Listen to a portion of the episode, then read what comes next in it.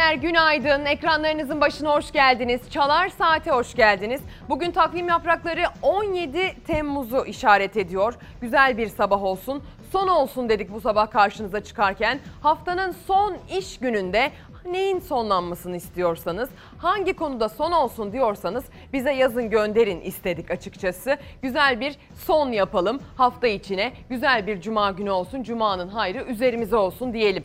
Ekran başındaki izleyicilerimiz bize mesaj gönderecekler. Hangi adresten bize ulaşacaklarını bilsinler. Twitter ve Instagram üzerinden Ezgi Gözeger hesapları bize mesajlarınızı, yorumlarınızı, eleştirilerinizi son olsun dediklerinizi yazıp gönderebileceğiniz adreslerimizdir. Dün sabah saatleri itibariyle olağan dışı bir gündemle karşınıza çıktık. Gecenin geç saatlerinde gelen şehitlerimizin bilgisiyle yüreğimiz yandı. Hepsini yayına hazırladık, size sunduk. Tüm bilgileri, gelişmeleri bölgeden detaylarla, anlık e, bilgilerle aktardık sevgili izleyenler. Dün gün içinde ise o acılı haber ailelere ulaştı. Acılı aileler e, cenazelerini teslim aldılar. Törenler yapıldı ve e, acının düştüğü, ateşin düştüğü ocaklarda üzüntü vardı, yas vardı, keder vardı. Biliyorsunuz dün iki farklı noktadan kötü haber verdik. Siirt'ten ve e, Van'dan kötü haberler verdik. Siirt'in Pervar ilçesinde 4 kahraman e, polisimiz, özel harekatçımız teröristlerle girdikleri sıcak çatışmada yaralandılar. İkisinin durumunun ağır olduğu bilgisi geldi önce.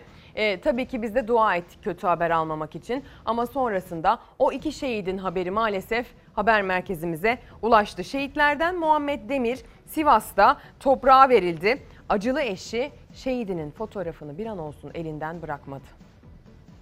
Şerefiyle onuruyla taşıyacağım. Taşıyacağım ben. Olsun. Vatan sağ olsun yiğidim. Gururum. Teröre inat başını öne eğmedi. Şehit eşinin fotoğrafını gururla taşıdı. Siirt'te teröristlerle girilen çatışmada iki özel harekat polisi şehit oldu. Siirt'in Pervar ilçesine bağlı Değirmentaşı Tepe bölgesinde güvenlik güçleri operasyondaydı.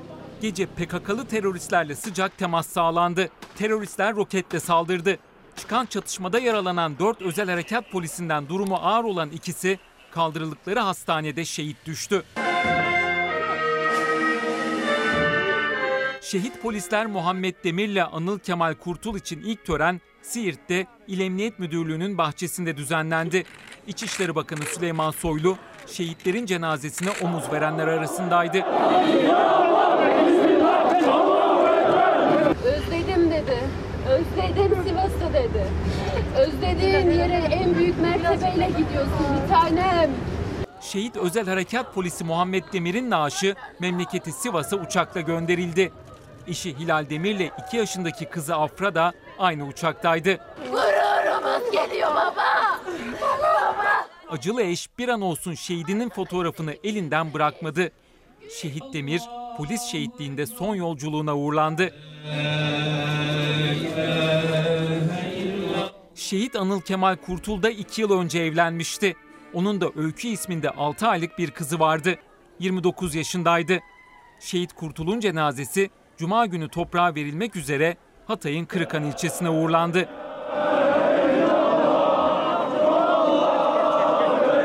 Mehmetçik ise terörü bitirmeye kararlı. Son çırpınışlarını yapan PKK terör örgütü Irak'ın kuzeyinde bir ağır darbe daha aldı. Haftanin bölgesinde 3, Zap bölgesinde de 2 PKK'lı terörist hava harekatıyla etkisiz hale getirildi. Suriye'de Zeytin Dalı Harekat bölgesinde de PKK'lı 4 terörist yakalanarak gözaltına alındı. Sevgili izleyenler yazılı basının gündemi nasıl yakaladığına, hangi konuyu hangi köşesinden tutarak hangi e, alanda ne kadar yer verdiğine de bakacağız. Yeni Şafak gazetesinin ilk sayfasına bakıyoruz. E, manşetinde Ayasofya görüyoruz. Bu saldırı Türkiye'ye başlığı altında Ermenistan sınırında yaşananları görüyoruz. Ve sonrasında sağ alt köşede de yüreğimiz yandı demiş gazetenin editörleri. Bugün şehitlerimizi anmış. Hakkari ve Van'da gözetleme yapan keşif uçağı Van'daki Artos Dağı'na çarparak düştü. Yürek yakan kazada ikisi pilot 7 polis şehit oldu. Şehitlerden Semih Güzelay'ın 2007 Avrupa Yıldızlar Tekvando şampiyonu olduğu öğrenildi. Siirt Pervari'de de teröristlerle çıkan çatışmada iki özel harekat polisi şehadete yürüdü ki biz o iki özel harekat polisinin birinin cenazesi için Sivas'a gittik az evvel haberimizde. Şimdi ise Van'da şehit verdiğimiz 7 kahraman polis için sevgili izleyenler bir haber hazırladık. Onu aktaracağız. Süleyman Soylu'nun anlatımlarıyla Siirt'te neler yaşandı, şehitlerimiz şehadet mertebesine neden ve nasıl ulaştı ve sonrasında neler oldu göreceğiz.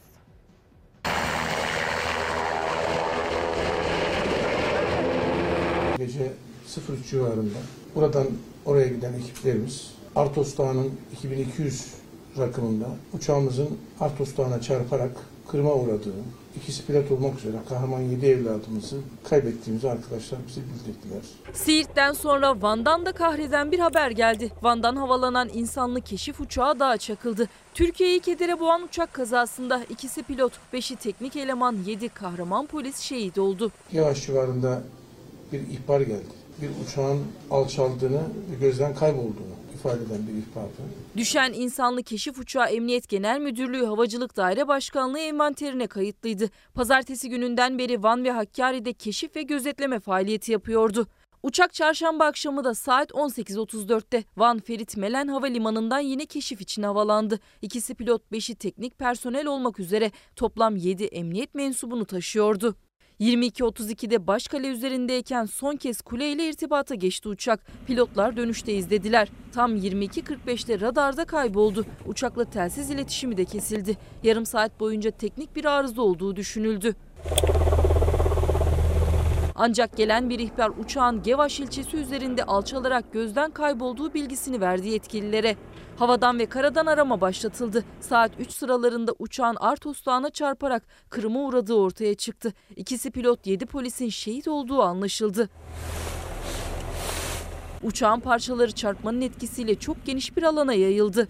İçişleri Bakanı Süleyman Soylu kameraların önüne geçerek o üzücü bilgiyi paylaştı. 16 Temmuz sabahının ilk saatlerinde milletimize üzüntülü bir haber vereceğiz maalesef. İkisi pilot olmak üzere kahraman 7 evladımızı kaybettiğimizi arkadaşlar bize bildirdiler. Şehitlerin memleketlerine acı haberi tez ulaştı. Ankara'ya 3 şehit ateşi birden düştü. Polis komiser Gökhan Mete Altunbaş, pilot komiser yardımcısı Samet Üstüner'le uçuş teknisyeni Mustafa Keskin başkenti yasa boğdu. Şehit pilot komiser Altunbaş'ın eşi de kendisi gibi komiserdi. Bir yaşında bir oğlu vardı. Şehit pilot komiser yardımcısı Samet Üstüner'in baba evi Beypazarı'ndaydı. Bir buçuk yıllık evliydi. Şehit Keskin ise 28 yaşındaydı. O da evliydi. Bir yaşında bir erkek çocuğu babasıydı. Şehit komiser yardımcısı 27 yaşındaki Semih Güzelay 3,5 ay önce evlenmişti. Anne babası İzmir Torbalı'da yaşıyordu. Kendisi gibi polis olan eşi Gözde Güzelay Ankara'da görevliydi. Şehit komiser yardımcısı İrfan Aydoğan Erzurum İl Emniyet Müdürlüğü'nde İHA pilotu iken geçici görevli Hakkari'ye gönderilmişti. Bursa'da oturan annesi bir aydır oğlunu ziyaret için Erzurum'daydı. Şehit polis Onur Ramazan Bayram 30 yaşındaydı ve bekardı. Manisa Alaşehirliydi. Alaşehir bir hafta içinde Hendek'teki havai fişek fabrikasında şehit olan jandarma uzman çavuş Mesut Yazar'ın ardından ikinci şehit acısını yaşadı. Şehit polis Burak Derya Mersin Anamurluydu. 28 yaşındaydı. Şehitler Van Jandarma Helikopter Filo Komutanlığı'nda düzenlenen törenle memleketlerine uğurlandı. Düşen uçağın kara kutusuysa bulundu. Kazanın sebebini yapılacak inceleme ortaya çıkaracak. Van'daki e, kazada o acı kazada şehit olan polislerimiz için e, Allah'tan rahmet diliyoruz sevgili izleyenler. Ailelerine, sevenlerine ve tüm milletimize başsağlığı dileklerimizi iletiyoruz. Ve yine aynı şekilde e, Siirt'teki terör operasyonu sırasında çıkan çatışmada şehit olan kahraman polislerimize de bir kez daha Allah'tan rahmet diliyoruz. E, onlar büyük bir mertebeye ulaştılar ama tabii ki ne diyoruz? Aldığımız bu haber, bu son şehit acısı olsun. Aldığımız bu şehit haberleri son olsun diyoruz. Son olsun başlığıyla çıktık bugün karşınıza. Son olsun dediğiniz ne varsa yazın gönderin istedik. Özellikle Instagram ve Twitter'da son olsun dediğiniz ne varsa yazın istedim ve ilkini de ben yazdım sizin için. Ee, Siirt ve Van'dan gelen şehitlerimiz yaşadığımız son şehit acısı olsun son olsun dedim. Şimdi isterseniz yazılı basının gündemini tutmaya devam edelim. Cumhuriyet Gazetesi'ne bakalım. Cumhuriyet Gazetesi ilk sayfadan genişçe bir yer vermiş şehitlerimize. Türkiye'nin yüreği yandı demiş. Keşif uçağının düşmesi ve terör saldırısı sonucu 9 polis şehit oldu. Emniyet Genel Müdürlüğü'ne ait keşif ve gözetleme uçağı Van'daki Artos Dağı'na çarparak düştü. Kazada ikisi pilot 7 polis şehit oldu. Parçaları geniş bir alana yayılan uçağın kara kutusu incelemeye alındı. Kimi yeni evlenen, kimi yeni babalık sevinci yaşayan 7 şehidin cenazesi Van'da düzenlenen törenin ardından baba ocaklarına gönderildi. Siirt Pervari'de PKK terör örgütüne yönelik operasyonda çıkan çatışmada özel harekat polisleri Muhammed Demir ve Anıl Kemal Kurtul şehit düştü. Siirt'te düzenlenen törende Kurtul'un 6 aylık kızı Öykü ile Demir'in 22 aylık kızı Afra'nın alana getirilmesi yürekleri dağladı. Demir Sivas'ta gözyaşlarıyla son yolculuğuna uğurlandı deniyor. Kafkasya gerilimi ve Elbaba saldırı şeklinde aslına bakarsanız bir diğer e, iki diğer çatışmanın da haberinden bahsediliyor. Tovuz bölgesindeki Azerbaycan-Ermenistan çatışması sürüyor. Gelişmeleri Cumhuriyete değerlendiren Azerbaycan elçisi İbrahim e, askerlerimize saldırılar cevabını saldırdılar cevabını verdik. Bölgeye yeni kuvvet getirdiler. Azerbaycan sınırlarını tek başına savunacak güçte dedi. Akdeniz ülkeleri Suriye ve Libya ekseninde tansiyon düşmüyor. İdlib'de Türk-Rus ortak devriyesine yapılan bombalı saldırının ardından TSK destekli ÖSO'nun kontrolündeki Elbaba hava saldırısı düzenlendi. Bölgeyi Rus uçaklarının vurduğu bir sivilin yaşamını yitirdiği bildirildi deniyor. Cumhuriyet gazetesi şehitlerimizi bu şekilde ele almış sevgili izleyenler. Bir diğer gazeteyle devam edelim. Yeni Çağ gazetesi Yeni Çağ Gazetesi yüreğimiz yandı 9 şehit diye manşetten vermiş haberi. Türkiye bir günde iki acı haberle kahroldu. Van'da keşif uçağı Artos Dağı'na düştü. Kazada ikisi pilot, beşi teknik personel, toplam 7 polis. Siirt'te ise hainlerin açtığı ateşle iki özel harekatçı şehit düştü diyor. Şehitlerin fotoğraflarına yer verilmiş. Bakın onların hepsi birer yaşam, onların hepsi birer hayat. Onların hepsi anne, baba, eş, çocuk. Evlilerse eş, varsa çocuk değillerse de gelecekte sahip olacakları eşler anlamına geliyor. Onların hepsi emek emek yetiştirilmiş. Gerek Türk milletinin gerekse ailelerinin emek verip yetiştirdiği e, kahramanlardı. Bir kez daha analım onları rahmetle. Şimdi geceden bir sıcak gelişmeyle devam edeceğiz. İzmir'e geçmiş olsun diyeceğiz. İzmir Ege bölgesi depremleriyle meşhurdur.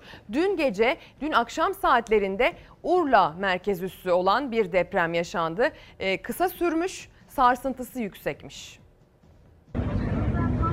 Deprem gerçeği kendini bir kez daha hatırlattı. İzmir Urla 4,1 ile sallandı. Vallahi bir panik oldu vesaire oldu ayağa kalktık falan bir sallandı bitti. Saat 21.09'da yaşandı deprem. Yerin 7 kilometre derinliğinde. Kısa süreli oldu uzun süreli olsaydı Allah korusun ya. Şiddeti korkulan büyüklükte olmasa da tedirginlik yarattı deprem. Türkiye her an bu gerçeklikle yüz yüze. Özellikle son yaşanan Elazığ, Malatya, Bingöl ve Manisa depremleri. Yaşanan her depremin bir başkasını tetikleyebileceği endişesi korkutuyor. İzmir'e çok çok geçmiş olsun. Geçtiğimiz günlerde Profesör Doktor Naci Görür'ün sözlerini ekrana getirmiştik. Bu minvalde hatırlatmak isterim. E, Silivri'deki 5,8'lik depreminde olası İstanbul depremini yani beklenen o büyük depremi öne çekmiş olma ihtimali var. Sabah gazetesinden devam edeceğiz. Sabah gazetesi bugün ilk sayfasından Ayasofya mevzuna yine yer vermiş. Ayasofya için görev paylaşımı başlığı atılmış. Kültür Bakanı Ersoy ile Diyanet İşleri Başkanı Erbaş arasında Ayasofya Camii'nde yürütülecek faaliyetlere ilişkin protokol imzalandı deniyor. O protokol dün tüm basın mensuplarının ana gündem maddelerinden bir tanesiydi. Çünkü Ayasofya son günlerde gündemimizin en önemli başlıklarından biri. Bu e, protokol ile bir görev dağılımı yapıyoruz. Ayasofya Camii'nde ki din hizmetleri Diyanet İşleri Başkanlığımızca yürütülecektir. Restorasyon, konservasyon ve koruma faaliyetlerini Kültür ve Turizm Bakanlığı olarak yine biz yerine getireceğiz. Müzeden camiye çevrilen Ayasofya'nın ibadete açılmasına günler kala son adımda tamamlandı. Kültür ve Turizm Bakanlığı ile Diyanet İşleri Başkanlığı arasında işbirliği protokolü imzalandı. Bizzat Sayın Cumhurbaşkanımızın talimatı ile Ayasofya için ayrılan restorasyon bütçeleri birkaç katına çıkarıldı. Çok ciddi bütçelerle orada restorasyonları hızlandırıyoruz. İbadet noktasında Müslümanlara ancak herhangi bir inanç, mezhep, ırk ayrımı olmadan bütün insanlığa hizmet etmeye devam edecek. Turizm Bakanı Mehmet Nuri Ersoy, Ayasofya'nın kültür mirası olarak en iyi şekilde korunacağının altını çizdi bir kez daha. Siyasette de Ayasofya tartışması Cumhurbaşkanı'nın sözleri üzerinden sürüyor. Erdoğan 1934 tarihli Ayasofya'yı müzeye çeviren ve altında Atatürk'ün imzası olan karar için tarihe ihanet demişti. Dört gün sonraysa o karar da milletindi diyerek sözlerini yumuşattı. 1934'te kimler müziğe çevirdi? Bu millet. Erdoğan gerçi dün düzeltti ya da kıvırdı ama Mustafa Kemal Atatürk için söylüyor. Tarihe ihanet olmanın yanında hukuka da aykırıdır. Ben Sayın Bahçeli'nin bu konuşmasına bir refleks göstermesini gerçekten beklerdim. CHP Grup Başkan Vekili Engin Altay bu kez MHP liderine seslendi. Erdoğan'ın 11 Temmuz'da kullandığı tarihe ihanet sözüne Bahçeli'nin sessizliğini eleştirdi. Ben Sayın Devlet Bahçeli'nin Atatürk sevgisinden şüphe etmem. Ama Atatürk'ü hakaretle itham eden bu hadsiz, bu densiz konuşmaya verecek iki çift lafının cevabının olamaması bende bir hayal kırıklığı yarattı. Ve bir diğer gündem maddemiz ve tabii ki pandemi, koronavirüs pandemisi. Dün itibariyle de ekrana getirmiştik. Her gün olabildiğince fazla kişiye ulaşmasını sağlamaya çalışıyoruz. Ee, Fahrettin Koca, Sağlık Bakanımızın bize verdiği mesajları, genellikle tabloyu da vermek istediği mesajları da sosyal medya üzerinden aktarıyor. Dün itibariyle Fahrettin Koca yine dikkat çeken ve gülümseten bir paylaşımla karşımıza çıktı. Hazır bir araya gelmişken hemen dağılalım dedi. Bilmem anlatabiliyor mu kendisi? Ben mesajı aldım ama umarım herkes almıştır. Bu ara çok fazla bir araya gelmek, kalabalıklar içinde olmak çok doğru değil. Şimdi koronavirüs konusunu açmışken konuyla ilgili bir uzmana e, sorularımızı yöneltme fırsatımız olacak. Bilim Kurulu üyesi Profesör Doktor Levent Yamanel şu an bizi bekliyor. Kendisi yayın konuğumuz. Hoş geldiniz diyelim ve Levent Yamanel'e son tablonun e, ne anlama geldiğini soralım. Yine e, tespit edilen vaka sayılarının binin altında olduğunu görüyoruz ve Fahrettin Koca'nın paylaşımında test sayıları ile ilgili bir vurgu yaptığını görüyoruz. Daha çok test, daha çok vaka saptar diyor Fahrettin Koca. Test sayısıyla yeni vaka sayısı arasındaki ilişki birebir değildir. 15 Haziran'da 1592 vaka sayısına ulaştığımız günde test sayımız 42 bindi. Bugün de test sayımız 42 bin. İhtiyaca göre bu test sayısı değişiyor diyor. Ee, Sağlık Bakanı'nın vermek istediği mesaj nedir hocam bu paylaşımda? E, tabii ki test sayılarımız e, daha önceleri biraz daha yüksekti, 50 binlerdeydi. E, biraz e, düştüğünü vurgulamak istiyor ama e, tabii ki e, ikisi paralel değil. Yani e, yapılan test sayısıyla e, fazla e, vaka yakalamak paralel olmuyor her zaman. Onu vurgulamak istiyor. Tabii ki biz de e, mutlu olduk, binin altına düştük. E, yavaş yavaş düşüyoruz. Ne Ee, kadar mutlu olmalıyız hocam binin altına düştüğümüz için? e, tabii ki şimdi mutlu olup da gevşemememiz lazım öncelikle onu söyleyelim. Ee, tabii ki mutlu olduk biz binin altı biraz psikolojik sınır gibi. Ee, o yüzden e, mutlu oluruz ama e, hiçbir zaman e, tedbiri elden bırakmamamız lazım. Eğer tedbiri elden bırakmazsak e, 15-20 gün içerisinde 500'leri e, daha sonra da yüzleri görürüz inşallah hep birlikte. E, o zaman tabii daha güzel şeyler konuşuruz. Hep birlikte tedbir aldığımız sürece tedbirlerin anlamlı olduğunu siz ve diğer bilim kurulu üyelerimiz, uzmanlarımız sürecin en başından beri söylüyorsunuz. Sizin kendi yaşantınızda gözlemlediğiniz ya da belki de belki de medyadan takip edip gözlemlediğiniz en büyük gevşeme noktası, en büyük rehavet alanı neresi? Tabii e, vatandaşlarımız aslında çok duyarlı. E, çok büyük bir kesim e, kurallara e, çok ciddi şekilde uyuyorlar ama düşük e, yüzdelerde sıkıntılarımız var. Hem kalabalık oluşturma konusunda sıkıntılarımız var. E, işte kalabalık oluşturabilecek e, ritüellerimiz var, törelerimiz var. E, asker uğurlama gibi, işte e, düğünler, nişanlar gibi. E, buralarda tabii daha çok dikkat etmemiz gerekiyor. E, mutlaka kalabalığı az oluştur oluşturmamız lazım ve e, buralarda da sosyal mesafeye ve maske kullanmaya özen göstermemiz lazım.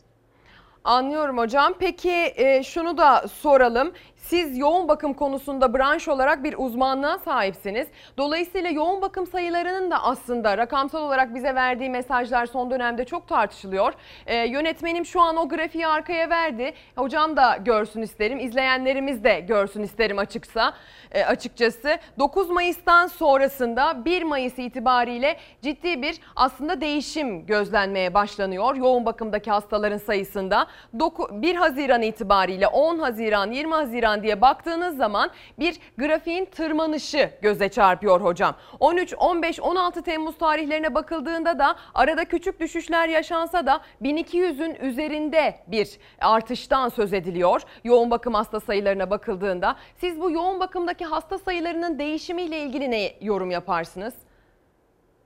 Tabii ki virüs e, ciddi hastalık yapıyor. Yoğun bakım hastalarımız fazla. E, tabii ki e, hem risk faktörlerimiz var, hepimiz biliyoruz. Hem ileri yaş hem de e, ilave hastalıkların olması e, risk faktörü oluşturuyor ve yoğun bakıma girişi de tabii ciddi hastalık oluşturma ihtimalini de yükseltiyor. E, tabii ki yoğun bakımlarımızda hem entübe hasta takip ediyoruz hem de entübe olmayan daha ciddi hastaları da takip ediyoruz. E, bu nedenle tabii yoğun bakımlarımıza da çok iş düşüyor. E, ama tabii ki yoğun bakım sayılarımız çok iyi Türkiye olarak e, ve hiçbir sıkıntı çekmiyoruz o nedenle. Bu konudaki altyapımızın çok kuvvetli olduğunu aslında bu vesileyle öğrenmiş olduk. Peki bir de entübe hastaları soralım size hocam. Entübe hastaların grafiğine baktığınızda da bir e, düzgün doğrusal grafik aslında yoğun bakım hastalarında daha net görülen bir artış var. Entübe hastalar daha doğrusal gitmeyen bir artış gösteriyor. Zaman zaman düşüşler oluyor. 3-5 düşüş bile bizi aslında çok sevindiriyor. Grafiği e, ekranda görelim isterseniz. 12, 14, 16 Temmuz tarihlerine bakıldığında özellikle son olarak 409'dan 396'ya ve son olarak 394'e düştüğünü gördük. Entübe hastaların sayısındaki bu birkaç kişilik düşüşün bile önemli olduğunu uzmanlar söylüyor. Siz e, yoğun bakım e, grafiği ile entübe grafiği arasındaki bu ilişkiyi nasıl yorumlarsınız? E, tabii yoğun bakımda söylediğim gibi entübe olmayan hastaları da takip ediyoruz. Yani e, solunum ihtiyacı olmayan ama başka e, ilave hastalıkları olup da ciddi hastalık oluşturabilecek hastaları da takip edebiliyoruz. Ama e, tabii ki entübe hasta sayılarımız da e, dediğiniz gibi dalgalanmalar gösteriyor. Zaman zaman hastalarımız solunum cihazına ihtiyaç duyuyorlar, zaman zaman duymuyorlar. Veya biz solunum cihazını sadece entübe olan hastalarda da kullanmıyoruz. Zaman zaman entübe olmayan hastalarda da kullanabiliyoruz. Bu nedenle böyle dalgalanmalar olabiliyor. Hocam bir e, branşı yoğun bakım olan bir hocamızı yakalamışken yoğun bakımda olmanın aslında anlamını da biraz daha anlaşılır hale getirmek istiyorum. Ya da entübe edilmenin de anlamını biraz daha anlaşılır hale getirmek istiyorum. E, biraz bazı kavramlar çok sık kullanıldığı zaman e, içi boşalıyor biliyorsunuz normalleşiyor çünkü. Entübe edilmek, yoğun bakıma alınmak aslında e, oldukça hayati süreçler. Bunu siz benden daha net açıklarsınız ama sanki bunu hatırlamamızda fayda var gibi ne dersiniz? Evet çok kritik süreçler. Ee, gerçekten e, hayati e, hayatı tehdit eden durumlarda alıyoruz yoğun bakıma sizin de söylediğiniz gibi. Çok ciddi şeyler bunlar. Ee, o nedenle e, ben öncelikle e, yoğun bakım çalışanlarını da özellikle vurgulamak istiyorum. Gerçekten canlarını dişlerine takarak, kendilerinden fedakarlık ederek e, çok ciddi e, şeylerle uğraşıyorlar. E, bu nedenle e, çok önemli yoğun bakım çalışanlarının da e, verdiği emek. E, tabii ki çok ciddi hastalıklarda alıyoruz yoğun bakıma. E, entübe hastalarda da çok kritik süreçler var. Bu nedenle yani bunları e, bunlar başımıza gelmesin diye mutlaka bizim e, bu tedbirlere çok dikkatli e, şekilde uymamız gerekiyor ve e, hastalığa yakalanmamak tabii ki en önemli şey. E, yakalandıktan sonra tabii ki tedaviler var. E, umut vadeden tedaviler var. Çok kaliteli bir yoğun bakım teknolojimiz ve e, çalışanımız var. O nedenle e, tabii ki çok rahatız ama e, yakalanmamak, tedbiri elden bırakmamak en mantıklısı. Doktorlarımızın, sağlık çalışanlarımızın nedenli başarılı olduğunu biliyorduk. Son süreçte gerçekten bunu yaşayarak bir kez daha e, görme şansımız oldu aslına bakarsanız bu süreçte. Bir de tabii ki az evvel söylediğimiz gibi yoğun bakım kapasitemizin pek çok gelişmiş Avrupa ülkesine göre ne kadar üst düzey olduğunu da bir, bir kez daha yaşayarak öğrenmiş olduk. E, Sürecin başında çokça konuşuyorduk ama son dönemde belki tekrar konuşulmasına ihtiyaç olabilir diye düşündüğüm bir diğer konu. Siz de aslında biraz değindiniz. Sağlıkçıların durumu. En başta sağlıkçıların kat kat üst üste koruma kıyafetleriyle, gözlüklerle, eldivenlerle, maskelerle e, çalışmasının zorluğu, e, kendisinin virüs kapma ihtimali, evine virüs taşıma ihtimali çokça konuşuluyordu. Aslında aynı süreç ve aynı zorluklar devam ediyor değil mi hocam? Kesinlikle e, aynı şekilde çalışmaya devam ediyoruz. E, sizin de belirttiğiniz gibi hastalığa yakalanma riski en yüksek olan e, topluluk. En risk en yüksek riskli bizim sağlık çalışanlarımız. Ve sizin de söylediğiniz gibi eve taşıma riski de en fazla olan grup da sağlık çalışanlarımız. O nedenle tabii ki e, en başından beri olan süreç devam ediyor. Aynı şekilde çalışıyoruz. E, böyle yani durum budur. Biz de çok minnettarız size o çalışmalarınız Çok dolayısıyla. Yani her kademedeki, e, her kıdemdeki e, sağlık çalışanına titri ne olursa olsun, pozisyonu ne olursa olsun çok çok çok minnettarız hem de. E, Sürecin en başında çıkıp akşam saat 9'da onları sık sık alkışladık. Yüreklerimiz hala onlarla birlikte atıyor ama belki de aradan geçen zamanda kendilerine verdiğimiz kıymeti ve ne kadar minnettar olduğumuzu tekrar hatırlatmamız gerekebilir. Gerçekten zorlu mücadeleniz sürüyor çünkü. Son olarak bir de aşı konusundaki e, geldiğimiz noktayı değerlendirmenizi rica edeceğim. Pek çok farklı koldan aşı çalışmaları yapılıyor. Oxford'dan e, iyi bir haber geldi son olarak. Aşı çalışmalarında bir kademe kaydedildiği, en erken Ekim ayı itibariyle bir aşının elde edilebileceğine dair bilgiler geldi. Buna benzer başka haberler de alıyoruz ama bunlar içimizi ne kadar rahatlatsın? Tabii ki şimdi bağışıklıkla ilgili e, bazı bilgilerimiz var. Bağışıklığın e, kısa sürdüğü, 3 ay, 4 ay gibi e, kısa e, sürelerde sürdüğü gibi şeylerimiz var, bilgilerimiz var. E, böyle olunca da tabii aşının da kısa e, süreli bir bağışıklık kazanabileceğine dair de e, bazı e, spekülasyonlar var. Ama aşı çalışmaları tabii bizim e, en büyük dayanağımız. E, çünkü aşı olmazsa pandemiden kurtulmamız pek söz konusu olmayacak gibi.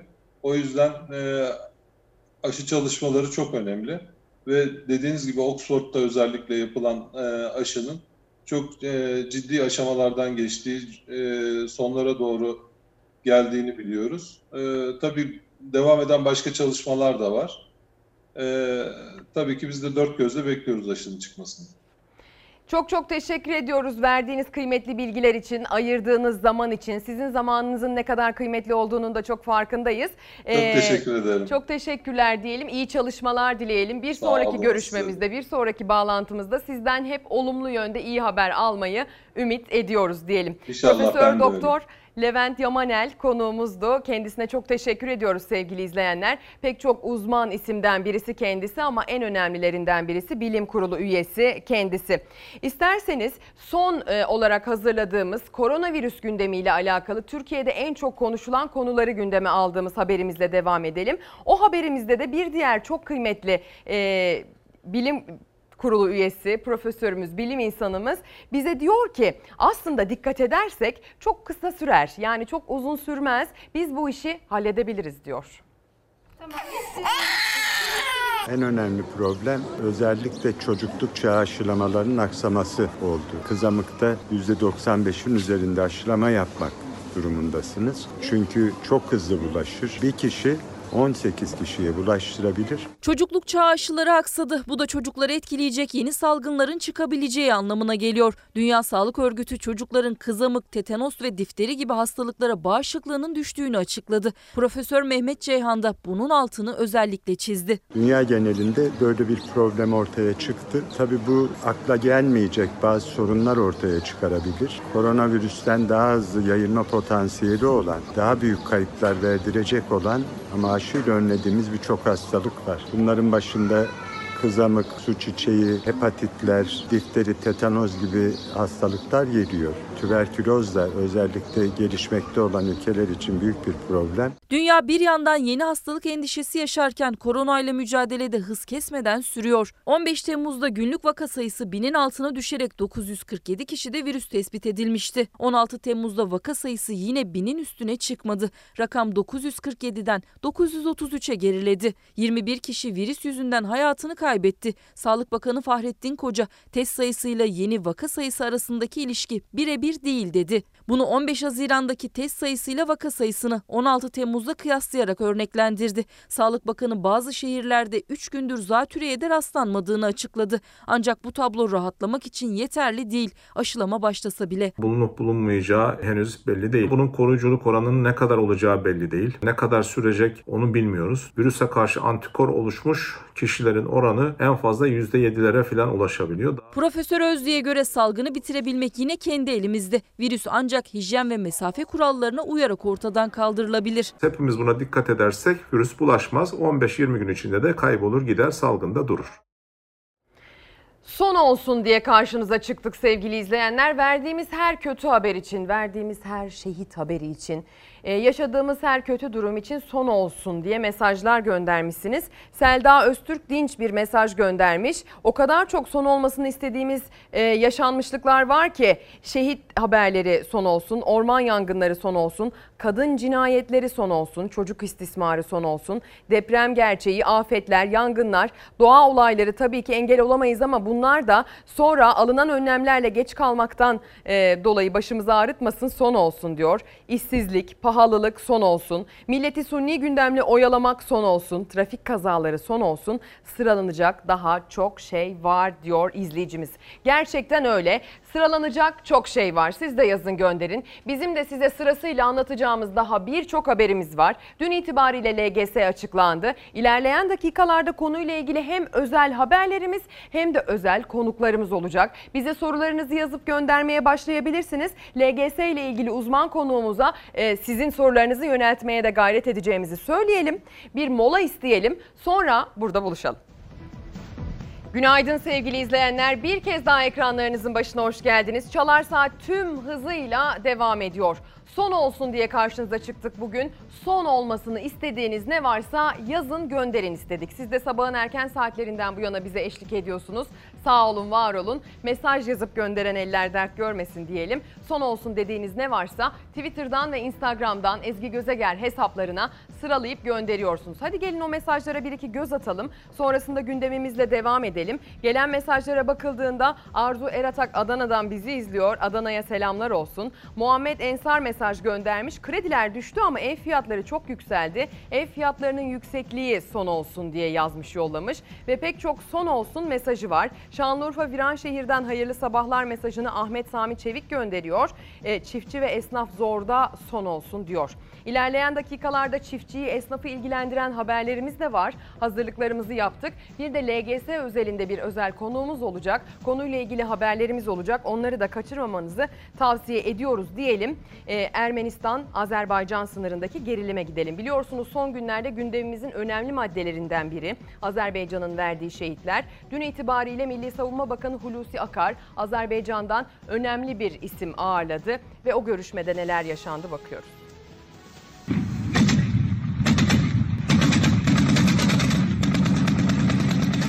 Ermenistan rahat durmadı. Azerbaycan yeni saldırı başlattı. Köyleri bombaladı. Türk F-16'ları sınırda alçak uçuş yaptı. Azerbaycan güçlerine destek verdi. Bakan Akar Azerbaycan heyetini kabul etti. Ermenistan'ı çok sert uyardı. Bunlar e, yaptıkları için hesabını mutlaka ödeyeceklerdir. Ermenistan Azerbaycan sınırında kısa süreliğine kesilen silah sesleri sabah yeniden duyuldu. Ermenistan ordusu yine Türkiye'ye gelen enerji hatlarının geçtiği Tovuz'u hedef aldı. Bölgedeki Azerbaycan askerlerine topçu ateşi açıldı. Provokasyonu sürdüren Ermeni güçleri sınır köylerini de ağır silahlarla bombaladı. Azerbaycan saldırıya anında yanıt verdi. Ermenistan ordusuna ait bir kışlayı ve nakliye aracını vurdu. Savunma Bakanlığı da çok sayıda mevzinin vurulduğunu, Ermenistan'a ait insansız hava aracının düşürüldüğünü açıkladı. Çatışmalarda bir asker şehit düşerken toplam şehit sayısı 13'e yükseldi. Cumhurbaşkanı İlhan Aliyev tansiyon yükselirken güvenlik konseyini topladı. Son saldırıda öfkesi büyüktü. Çok sert konuştu. Ermenistan'ı faşist bir devlet olarak niteledi. Halkın sabrının bir sınırı var dedi. Erivan'a gözdağı verdi. Aliyev toplantıda Dışişleri Bakanı Elmar Mehmet Yarov'u da hedef aldı. Ermenistan'la savaşın eşiğine gelinmişken bir türlü ulaşamadığını söylediği bakanı sert dille eleştirdi. Ardından görevden aldı. Ayın 12'sinde biz iş yerindeyik. Baş nazir iş yerinde, mən iş yerində, səhərə qədər Xarici İşlər Nazirliyi nə ilə məşğul idi? Hardaydı? Sınırda gerilim sürerken Bakü'den Ankara'ya çok kritik bir ziyaret gerçekleşti. Milli Savunma Bakanı Akar, Azerbaycan Savunma Bakan Yardımcısı ve Hava Kuvvetleri Komutanı Ramiz Tahirov'u kabul etti. Görüşmeye Genelkurmay Başkanı Orgeneral Güler ve kuvvet komutanları da katıldı. Azerbaycan Türk'ünün acısı bizim acımızdır. Akar çatışmalarda şehit düşenler için başsağlığı diledi. Kanlarının yerde kalmayacağını söyledi. Ermenistan'a yönelik çok sert konuştu. Yaptıkları işin hesabını mutlaka ödeyeceklerdir dedi. Gerçekten Ermenilerin boyunu aşan bir iştir, boyunu aşan bir teşebbüstür. Ve biz de diyoruz ki bu açtıkları kumpasın altına kalacaklardır. Bu kumpasta boğulacaklardır. Türkiye Azerbaycan'a desteğinin süreceğini söyledi. Bundan kimsenin şüphe duymaması gerektiğini vurguladı. Ermenistan-Azerbaycan sınırındaki gerilimi yakından takip ediyoruz. Azerbaycan'a buradan sevgi selam gönderelim. Şehitler için başsağlığı dileklerimizi iletelim. Bizi oradan izleyen çokça izleyicimizin de şu anda ekran başında olduğunu biliyoruz. Sevgi ve selamlarımızı iletelim. Bir diğer e, haberimizle devam edeceğiz sevgili izleyenler. E, Çorlu'daki tren faciası diyeceğiz. Dün akşam biz bu haberi izlerken evde biraz gözyaşı döktük açıkçası. Birkaç haberde daha döktük. Bu da onlardan bir tanesiydi. Biliyorsunuz 2 yıl önce 8 Temmuz tarihinde bir ihmal sonucu yaşandı o facia, tren faciası. Orada yaşamını yitirenler kimileri şu anda öğrenciydi, sıralarda olacaktı. Kimileri şu anda belki de yaz tatilinde olacaktı. Kimileri üniversiteye gidecekti. Kimileri üniversitesinden mezun olup öğretmen olacaktı. Ama maalesef o kaza gerçekleşti. Hukuki süreç 2 yıldır devam ediyor. O kazanın e, kurbanlarının aileleri yani o kazada ölenlerin yakınları hukuki sürecin sonunda ancak bir bilirkişi incelemesi elde edebildiler. Böyle bir aşamaya getirebildiler süreci. O bilirkişi incelemesini ise yakından takip etmek istediler ama edemediler. Kaza değil cinayet.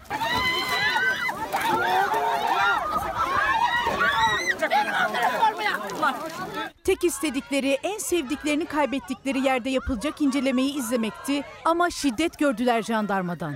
Copla dövülen bu insanlardan kimi evladını, kimi eşini, kimi anne babasını kaybetti. Çorlu'daki tren faciasının acılı ailelerinin tek istediği iki yıl sonra gelen bilirkişinin incelemesini izlemekti. Ama yaşadıkları şiddet vicdanları sızlattı. Adalet, kaza değil cinayet.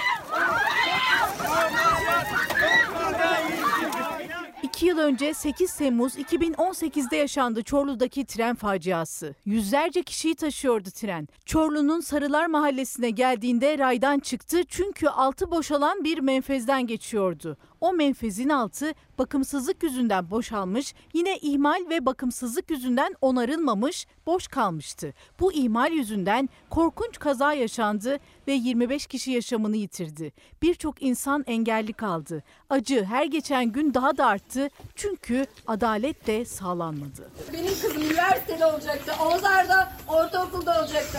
Ee, Özge Nur bir matematik öğretmeni olarak bugün öğrencilerine ders verecekti. Bizim geleceğimizi çaldınız. Sorumluluk dört demiryolu çalışanına yüklendi ama yöneticilerin de yargılanmasını istiyordu aileler. Ancak iki yılda geçen beş duruşmada hiçbir sonuç alamadılar. Ankara'ya gittiler, polisin biber gazlı coplu müdahalesiyle karşılaştılar. O acıların üzerine bir de haklarında soruşturma açıldı.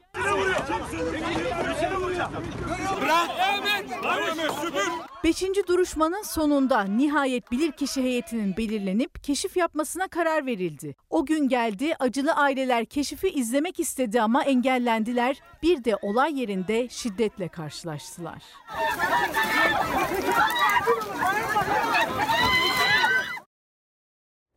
Sevgili izleyenler son olsun dediğiniz mesajlara Torlu'daki Çorlu'daki tren faciasını da ilave ediyorsunuz. Bu tarz ihmaller sonucu yaşanan ucuz ölümlerin tamamı için belki de son olsun diye dua etmeliyiz. 8 yaşındaki kızım Asya Nur e, diyerek Aysun Köşker Koç bir mesaj iletmiş bize. O küçük evladımız 8 yaşındaki izleyicimiz orman yangınları için son olsun diyormuş. Mehtap Hanım ekran başında savaş, virüs, ekonomik kriz, altın, dolar, euro yükselmesi son olsun mesajını gönderiyor. Çorlu'da adaletsizlik son olsun hatta son bulsun. Acılı ailelerin acısı delinmesin, ölenlerin kemikleri sızlamasın mesajını ise Sinan Sözmen göndermiş. Şimdi ise aslına bakarsanız e, geceden sabaha, dünden bugüne hazırladığımız dünyanın gündeminden bir derlemeyle karşınızda olacağız. Özellikle e, dünyanın gündemini pek çok e, noktada önemli gündem başlıklarını size aktarmak için özel bir gayret sarf ediyoruz biliyorsunuz ki. Birçok noktasından e, dünyanın gelişmelerle son gündemleri. İngiltere Rusya'nın aşı çalışmalarına dair verilerini çaldığını iddia etti. Ardından Kanada ve Amerika Birleşik Devletleri'nden de Rusya'ya suçlama geldi. Üç ülke de Rus istihbaratının bilgisayar korsanlarıyla çalışarak koronavirüse karşı geliştirilen aşı verilerini çaldığını savundu. İddia dış basında birçok gazetede manşet olarak paylaşıldı. Seçimlere 4 ay kala Amerika Başkanı Trump kampanya menajerini değiştirdi. Başkanın Oklahoma'nın Tulsa eyaletinde gerçekleştirilen mitinge katılımın düşük olmasına kızdığı ifade edildi. Başarısız mitingin faturasını kampanya menajeri Brett Perskel'e kesti. Başkanın yeni kampanya menajeri Bill Stepien oldu. Avrupa Birliği seyahat kısıtlaması getirdiği ülkelerin sayısını yükseltti. Türkiye, Amerika, Rusya, Brezilya ve Hindistan gibi ülkelere seyahat kısıtlaması devam ederken güvenli olarak listeye alınan Sırbistan ve Karadağ'da kısıtlama geldi.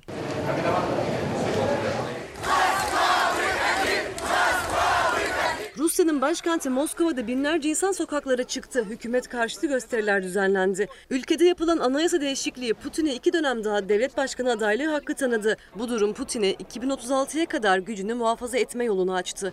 Değişiklikten vazgeçilmesi için imza toplandı. Pankartlar açıldı, sloganlar atıldı. Yüzden fazla gösterici polisin sert müdahalesiyle gözaltına alındı.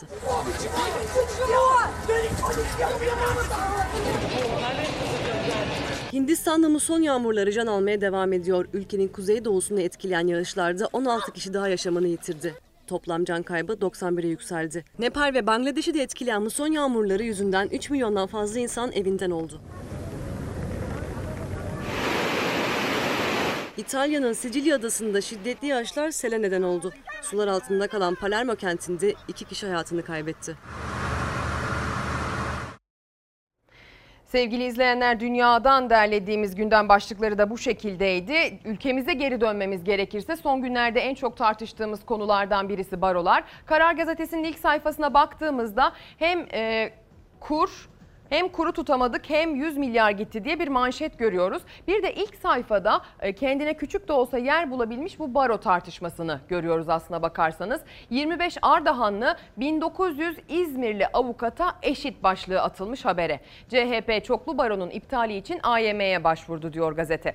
Çoklu baro düzenlemesinin iptali için AYM'ye dilekçe veren CHP'li Engin Altay, AYM'nin elinde geniş bir içtihat havuzu var. Başvurumuzun kabul edileceğine %100 inanıyorum dedi. Kritik açıklamalarda bulundu. İstanbul, Ankara, İzmir barolarında Türkiye'deki avukatların %60'ı görev yapıyor. İllerin delege sayısı değişince 3 baro TTB'de %10'un altında temsil edilecek. Ardahan Barosu'nun delege sayısı 3'ten 4'e çıkarken İzmir 35'ten 5'e düşüyor. Ardahan'dan gelen her bir delege 25, İzmir'den gelen 1900 avukatı temsil edecek diye bir karşılaştırmayla karşımıza çıkmış. İsterseniz CHP'nin bu çoklu baro e, tartışması sonlanıp resmiyet kazandıktan sonra meclisten geçip Cumhurbaşkanı onayladıktan sonra hemen e, AYM'ye başvurmasına bir göz atalım.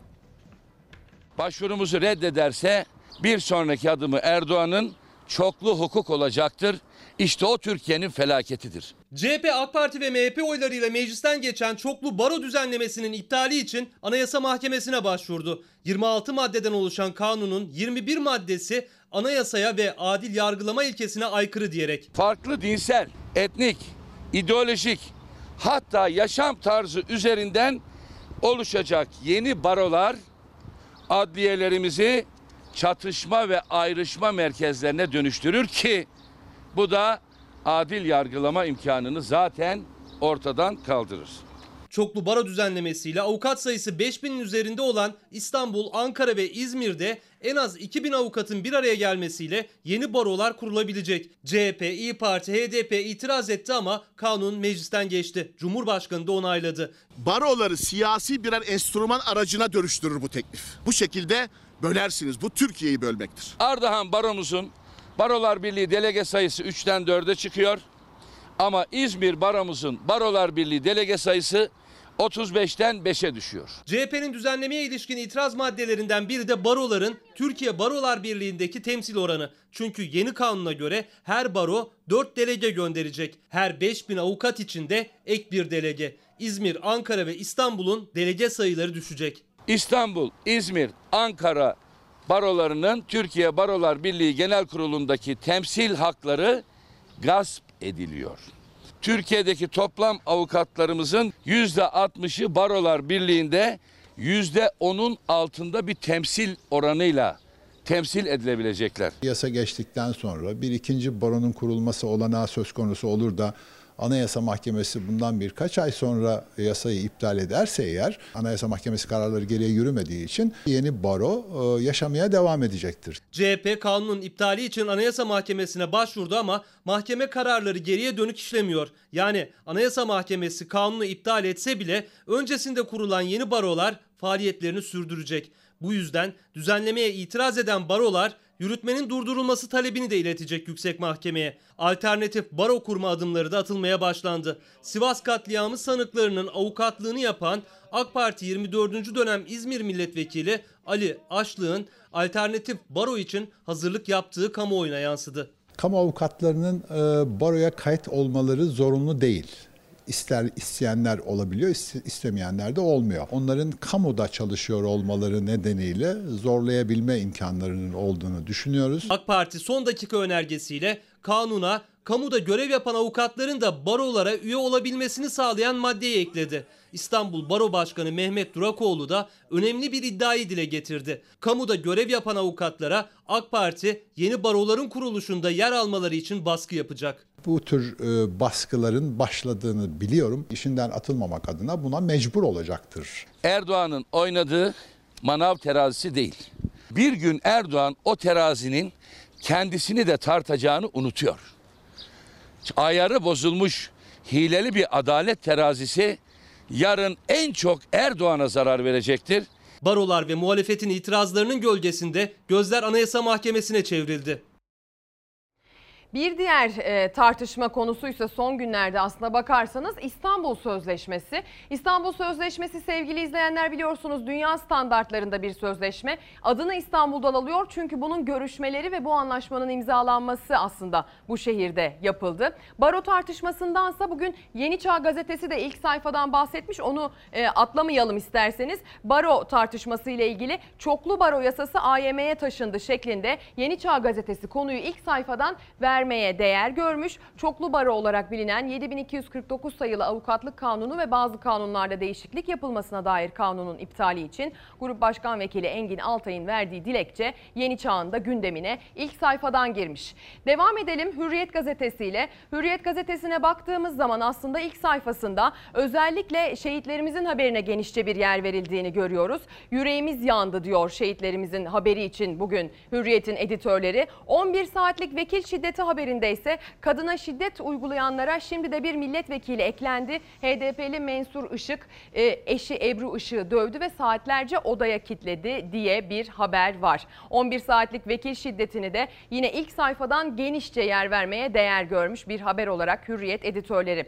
Hürriyet'in en alt satırında yani sayfanın alt köşesinde kadınlardan Erdoğan'a çağrı şeklinde az evvel bahsettiğim İstanbul Sözleşmesi'nden de söz edilmiş. Farklı görüşten birçok kadını, birçok dernek temsilcisini aradım diyor Hande Fırat'ın özel e, haberi özel köşesinde. Ortak görüş şu İstanbul Sözleşmesi kalmalı. Ayrıca sözleşme kadınları ilgilendiriyor. Kararı erkekler vermesin. Bir de çağrı var. Cumhurbaşkanı Erdoğan kadın dernekleri temsilcilerini dinlesin şeklinde Hande Fırat'ın köşesinden özel bir pencere açılmış sayfanın ilk e, ilk sayfasına Hürriyet'in sevgili izleyenler. İstanbul Sözleşmesi'nin kulislerden alınan bilgiye göre tek taraflı feshedilmesi gündemde.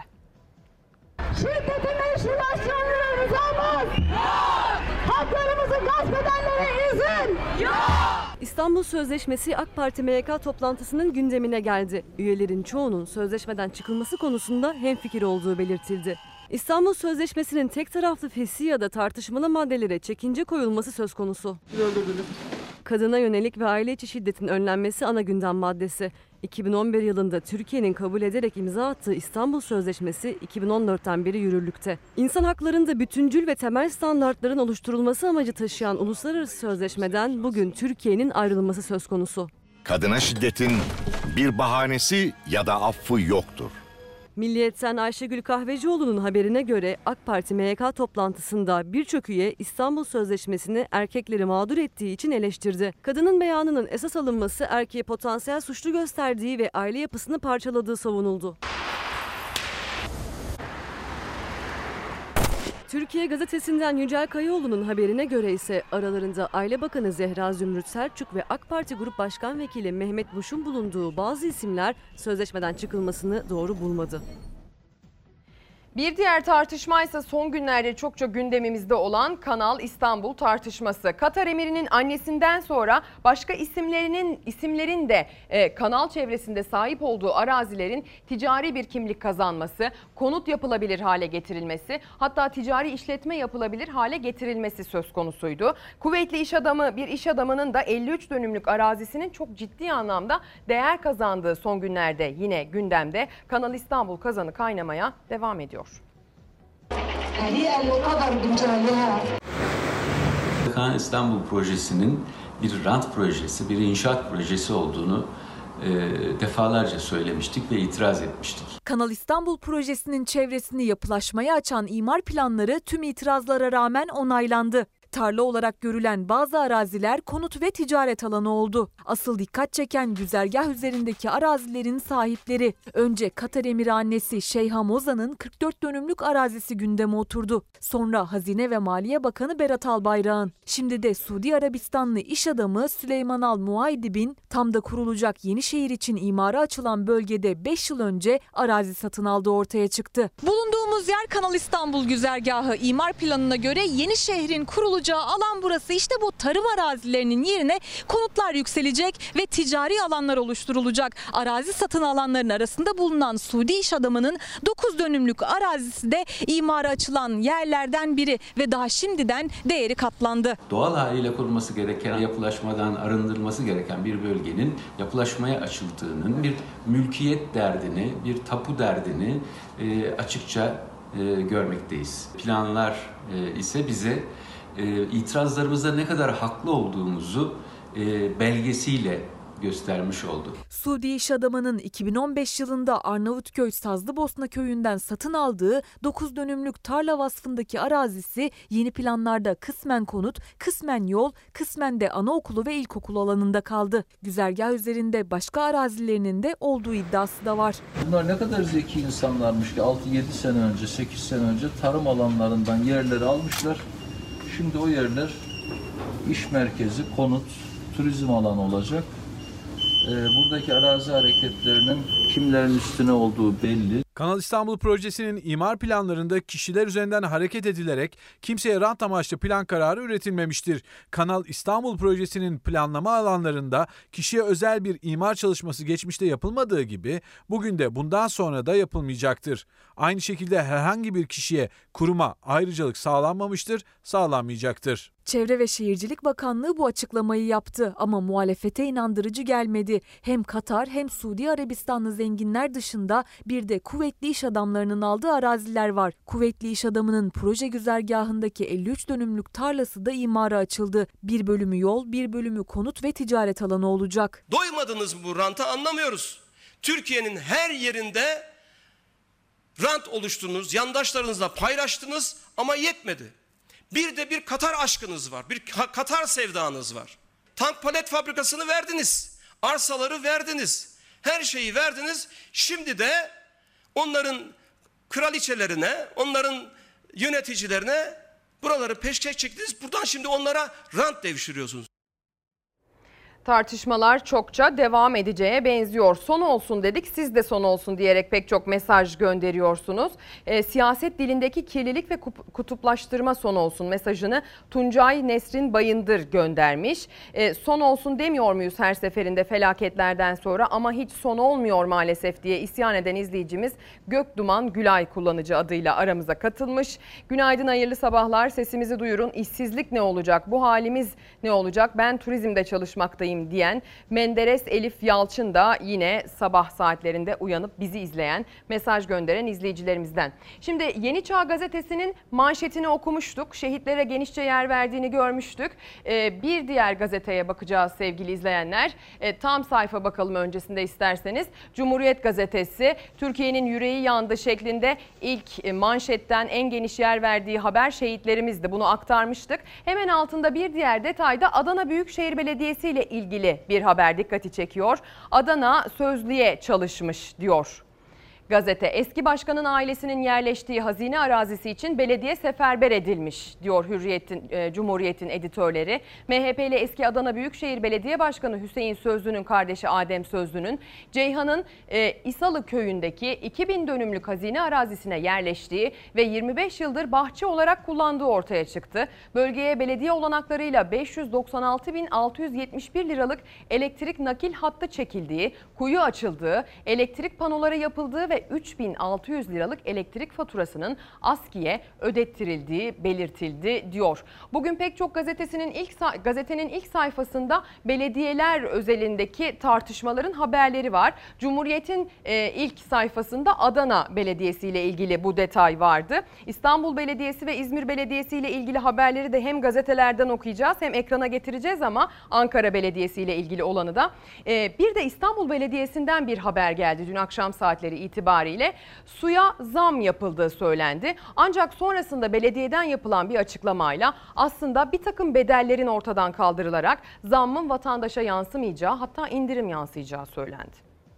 Oylarınıza sunuyorum. Kabul edenler, etmeyenler oy çokluğuyla kabul edilmiştir. İstanbul Büyükşehir Belediyesi Meclisi toplandı. Suya yapılacak zam oranı belirlendi. İstanbul'da su fiyatlarına %12,6 zam yapıldı. Zam 20 Temmuz'un itibaren uygulanacak. 28 Kasım 2019'da İSKİ'nin yeni su tarifesi gündeme geldiğinde tartışmalara sebep olmuştu. Suya yapılacak %20 zam teklifine gelen eleştiriler sonrası teklif tekrar görüşülmek üzere geri çekildi. İSKİ tarafından gelen yeni oran meclisin 16 Temmuz oturumunda tekrar görüşüldü. Suya %12,6 oranında zam oylamayla kabul edildi. AK Parti Grup Başkan Vekili ve Esenler Belediye Başkanı Tevfik Göksu, İSKİ tarafından gelen ilk zam teklifinin %35 olduğunu söyledi kabul etmedik. Türkiye'de enflasyon değeri olan %12,6'lık zammı biz teklif ettik dedi. Bize gelen teklif şu anda kullanılan suyun %35'e yakın oranda zamlı bir şekilde İstanbul halkına verilmesiydi.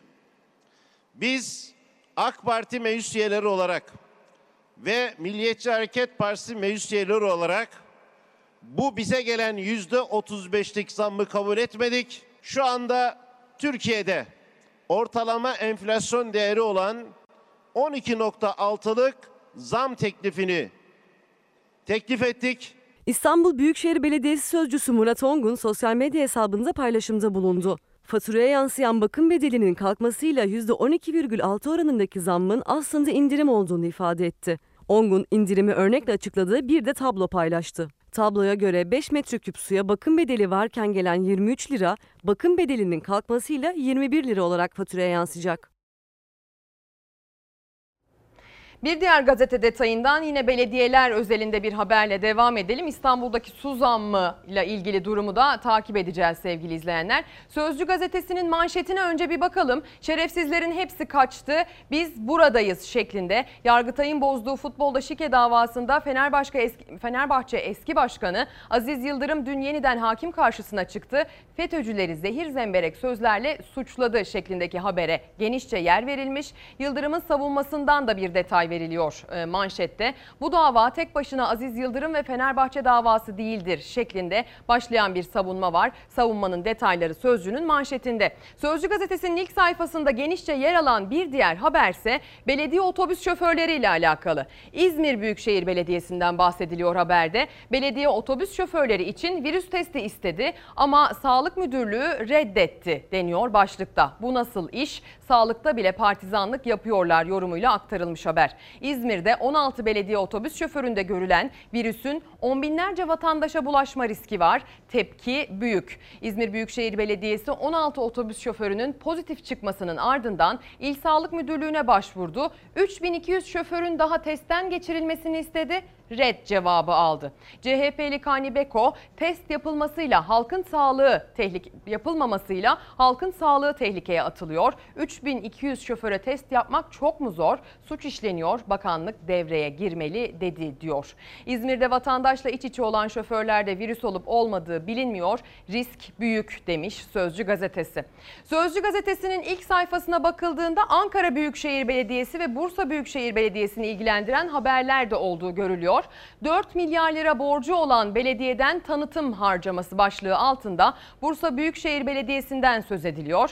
Bursa Büyükşehir Belediyesi 4 milyar 152 milyon liralık borcuna rağmen yeni bir ihale açtı. Katılacak firmalara ikramlar için siyah papyonlu garson, davetlileri eğlendirmeleri için de uzun bacaklı jonglör ve sihirbaz tutmaları şartı koşuldu denmiş Ali Ekber Ertürk'ün haberinde. Halk Ekmek Müdürü kendi kendini işten atıp tazminat almış haberi ise Deniz Ayhan'a ait. Mansur Yavaş, Halk Ekmek eski müdürü Ahmet Sarıduman'ın kendisini işten atıp 36 bin lira tazminat aldığını açıkladı. Kendisini savcılığa verdik dedi diyor. Ankara Büyükşehir Belediyesi'nin belediye meclisindeki tartışmaların sonuncusuydu bu. İsterseniz o tartışmaları kendi kulağımızla duyalım. Ahmet Sarıduman kendini işten atıyor. Gazetelere istifa ettim diyor ama bir de kendini attırdığı için ayrıca kıdem tazminatı alıyor. Mansur Yavaş Ankara Büyükşehir Belediye Meclisi'nde AK Parti grubunun eleştirilerini yanıtlarken açıkladı çarpıcı detayı. Halk Ekmeğin geçmiş dönem genel müdürü Ahmet Sarıduman istifa etmedi, kendi kendini işten atarak tazminat aldı dedi. Onların hepsinin savcılık kaydında var. Ahmet Sarıduman Yavaş yönetiminden önce belediye şirketi Halk Ekmek Genel Müdürüydü. Aynı zamanda şirketin yönetim kurulu başkanlığını da yapıyordu. Yavaş göreve başladıktan sonra uzun süre istifaya direndi. Ancak 4 ay sonra görevden ayrıldı. Mansur Yavaş istifa değil işten çıkarma dedi ama Sarıduman'ın kendi kendini işten çıkardığını söyledi. İstifa ettim diyen genel müdür aynı zamanda yönetim kurulu başkanı kendini işten atıyor. Yönetim kurulu başkanı A, genel müdür A'yı işten atıyor. Nereden yapıyor? Fakirin fukaranın ekmeğinden yapıyor. Mansur Yavaş Sarıduman hakkında savcılığa suç duyurusunda bulunduklarını da açıkladı. CHP'li başkanın yolsuzluk iddialarıyla görevden alınmasıyla AK Parti yönetimine geçen Yalova Belediyesi'nde başkan yardımcısı, özel kalem müdürü, aynı zamanda belediyenin personel şirketi YEDAŞ'ın yönetim kurulu üyesi Sarıduman, Halk Ekmek'ten kendi kendini işten attırdığı iddiasına karşı sessiz. Şöyle bir şey yapmış. Ocak ayına herhangi bir kaydı silerek geriye yönelik herhangi bir işçiyi işten atarsan şu kadar tazminat ödenir diye sendikayla ayrı bir protokol yapmış geriye yönelik. Bu da savcılıkta. Mansur Yavaş halk ekmeğe yapılan zammı da geçmiş dönemdeki hataların faturası diyerek açıkladı. Halk ekmeğe diyorsunuz ki zam yapıyorsunuz. Son 1-2 yıl ne sigorta ödemişler ne bir şey. Devraldığımızda 21,5 milyon borç var. 21,5 milyon zarar. Dolayısıyla inşallah bu zarar ortadan kalkacak. Son olsun diyoruz. Bu tarz görevi istismar etme durumları son olsun. Kimse bulunduğu pozisyonun e, faydasını kendine yontmasın. Son olsun mesajları geliyor. Arzu Eratak diyor ki insanın insana, doğaya, her türlü canlıya yaptığı canlıya yaptığı kötülükler dünyaya bıraktığı kötü izler son olsun diyor. Pek çok günaydın mesajı var. Pek çok iyi dilek var. Hepsi için de topyekün teşekkür etmiş olalım. Şimdi aslında yüreğimizin bam telini sızlatacak güzel bir kavuşmanın haberine gidiyoruz. Biliyorsunuz evlat nöbeti 10. ayını artık geride bıraktı ve son olarak 11 yıllık bir hasret son buldu.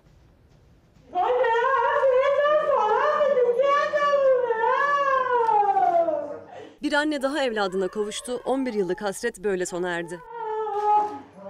Evlat nöbetinde 10. ay bitiyor. Çocuklarının geri dönmesini bekleyen aileler HDP binası önünde ellerinden düşürmedikleri evlatlarının fotoğraflarıyla beklemeye devam ediyor.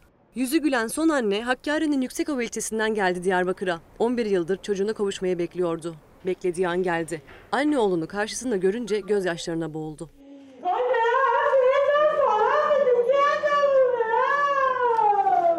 Bu kavuşma evlat nöbetindeki diğer ailelere de umut oldu. Diyarbakır HDP binasının önündeki oturma eyleminde duygu dolu anlar yaşandı. Oğlu için nöbet tutan bir diğer anne yaşanan kavuşmaya şahit oldu, hislerini paylaştı. Biz bugün bir aile daha ailesine kavuştu. Biz çok mutluyuz, çok umutluyuz. Onlar bizim evlatlarımızdır. Onlar geldikçe biz de mutlu oluyoruz. İnşallah darısı bizim çocukların başına. Acılı anne oğluna da teslim ol çağrısı yaptı. Annenin hatırına neredeysen çık ortaya. Sen de anneni sevindir, sen de anneni mutlu et, aileni mutlu et. Gel devletimize teslim ol.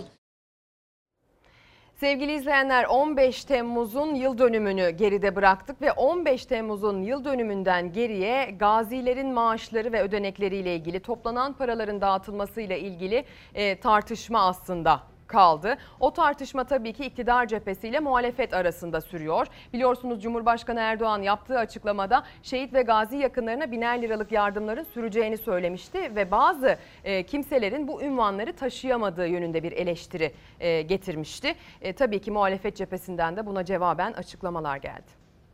Erdoğan şimdi de 15 Temmuz şehit ve gazilerini bölmek için yeni bir hamle başlattı. Bu ünvanların sorumluluğunu taşımakta zorlananlar elbette olabilir. Onların da en kısa zamanda şehit yakınlığı ve gazilik şerefinin manevi sırrına vakıf olmalarını diliyorum. Ötekileştirmediğin, ayrıştırmadığın bir şehit yakınları ve gazilerimiz kalmıştı. Bunları da ayrıştırmaya çalışıyorsun. Ama o şehit yakınları, o gazilerimiz senin bu tuzağına gelmeyecek. Hakkaniyet istiyoruz diyerek bir süredir eylemlerini sürdüren, iktidara seslenen 15 Temmuz gazilerine yönelik Cumhurbaşkanı eleştirisine CHP tepkili.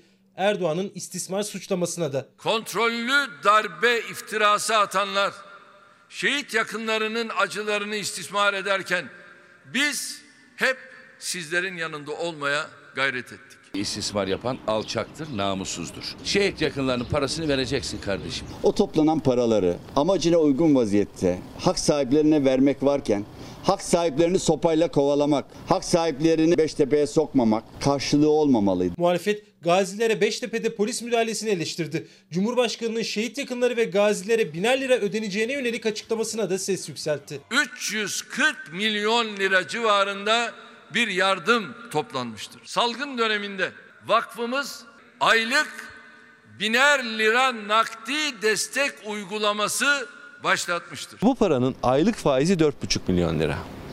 Eğer ayda biner lira ödeyeceklerse bunun toplamı ise ayda 3 milyon lira. Aylık faizini dahi hak sahiplerine ödemiyorlar. Aylık faizini bile dağıtmış olsalar ayda 1500 lira dağıtılması gerekir. Bu uygulamayı vakfın kaynakları el verdiği ölçüde devam etmeyi ve ettirmeyi kararlaştırdı. Millet bu bağışları yaparken peyderpey bağış yapmaz. Aldığı paraları vatandaşa bir an önce iade etmek zorundadır. Sizlerden kifayetsizlere kulak asmamanızı bilhassa rica ediyorum. Paranın hesabını bir kere daha soruyoruz. Sayın Erdoğan 340 milyon nerede?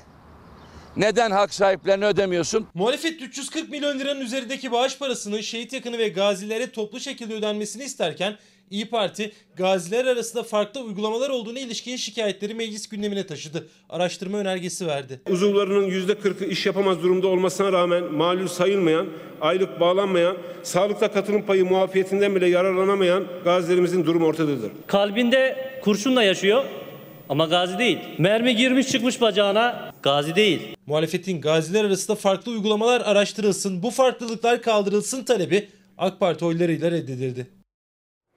Bu tarz kanun uygulamaları, bu tarz değişiklikler aslında her zaman için çokça tartışma konusu oluyor sevgili izleyenler. Covid-19 salgını döneminde hayatımıza giren bir diğer tartışmalı uygulamada ücretsiz izin uygulaması. Ücretsiz izne çıkarılan işçilere yönelik kısa çalışma ödeneği uygulamasının uzatılması gündemde. Torba Kanun Plan Bütçe Komisyonu'nda Cumhurbaşkanı e, ücretsiz izin süresinin bir yıl uzatılmasıyla yetkilendirilecek. Muhalefet ise işverenin bu durumu istismar edebileceğini söylüyor. Kısa çalışma ödeneği işsizlik fonundan ödendiği için işveren işçiyi bir yıl izne çıkartabilir ve o işçi de ayda 1170 lirayla geçinmek zorunda kalabilir. Virüsten kurtulan işçi AKP iktidarına yakalanmıştır. Ülkede deniz bitti, para bitti. Merkez Bankası, banknot matbaası çalışmaktan yoruldu. Covid-19 salgını ile birlikte ücretsiz izne gönderilen işçiye işsizlik fonundan günlük 39, aylık 1170 lira ödeniyordu. Uygulamanın uzatılması için torba kanun geldi Plan Bütçe Komisyonu'na. Cumhurbaşkanına yetki veriliyor. Ücretsiz izni bir yıl uzatma yetkisi. Tek taraflı olarak ücretsiz izin süresinin bir yıl uzatılması ne demek?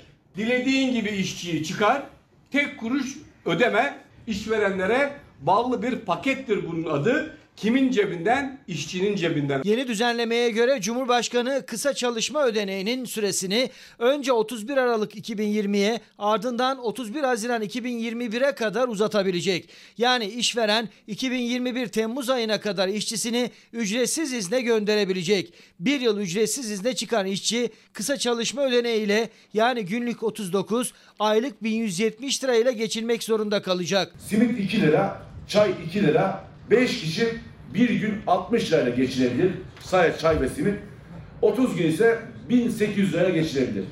Şimdi verilen para 1177 TL. Fonda yer alan bilgilere göre nakdi ücret desteğine çıkartılan işçilere aylık 1177 TL değil ortalama her bir işçiye aylık 547 lira verilmiştir.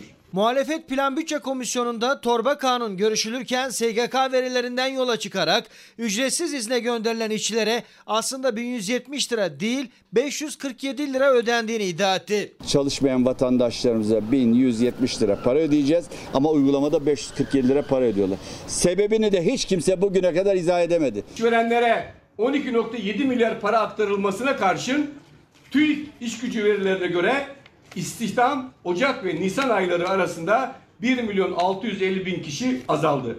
Yani işsizlik ödeneğine başvuranların %65'i bu ödenekten yararlanamadı. Teklife göre kısa çalışmadan vazgeçerek normal çalışma düzenine geçen işverenlere 3 ay süreyle prim desteği verilecek. Destek işsizlik sigortası fonundan karşılanacak.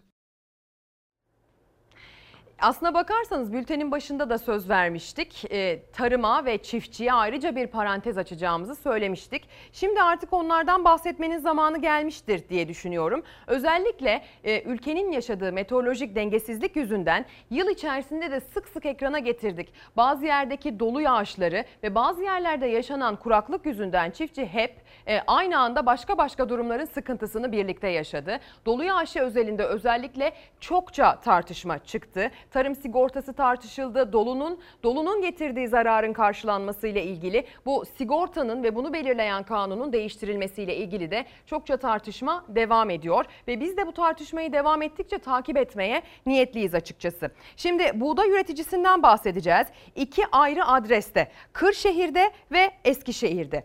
İki taraftaki buğday üreticisi de dertli ama bir taraftaki problemin kaynağı kuraklıkken diğer taraftaki problemin kaynağı aşırı yağış ve dolu. Hemen hemen %40-%50 verim kaybımız var. Bir yanda kuraklık, diğer yanda dolu vurdu arpa ve buğdayı. Verim düştü. Kazanamayacağını anlayan çiftçi ürünün erken hasat etti. Yem yaptı.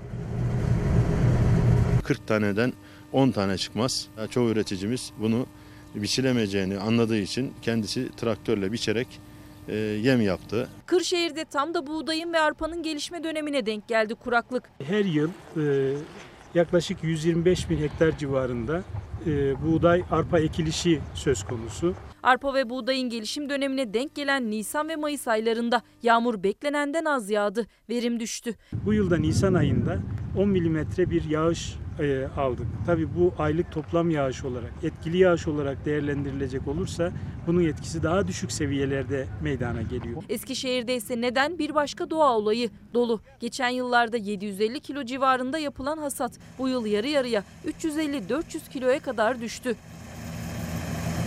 Hemen hemen %40-%50 verim kaybımız var. Arpa ve buğdayda iki farklı doğa olayı nedeniyle büyük kayıp yaşayan çiftçiler endişeli. Bir diğer buğday üreticisi sıkıntısı için bu kez Trakya'ya doğru çevireceğiz kameralarımızı. CHP Edirne Milletvekili Okan Gaytancıoğlu makarnalık buğday üreticisinin yaşadığı sorundan söz edecek. Sözleşmeli üretim yaptılar ancak istenen verim alınamayınca makarna üreticisi firma üreticisi üreticiyi problemiyle yalnız bıraktı. Bu tarla bir gün önce biçildi.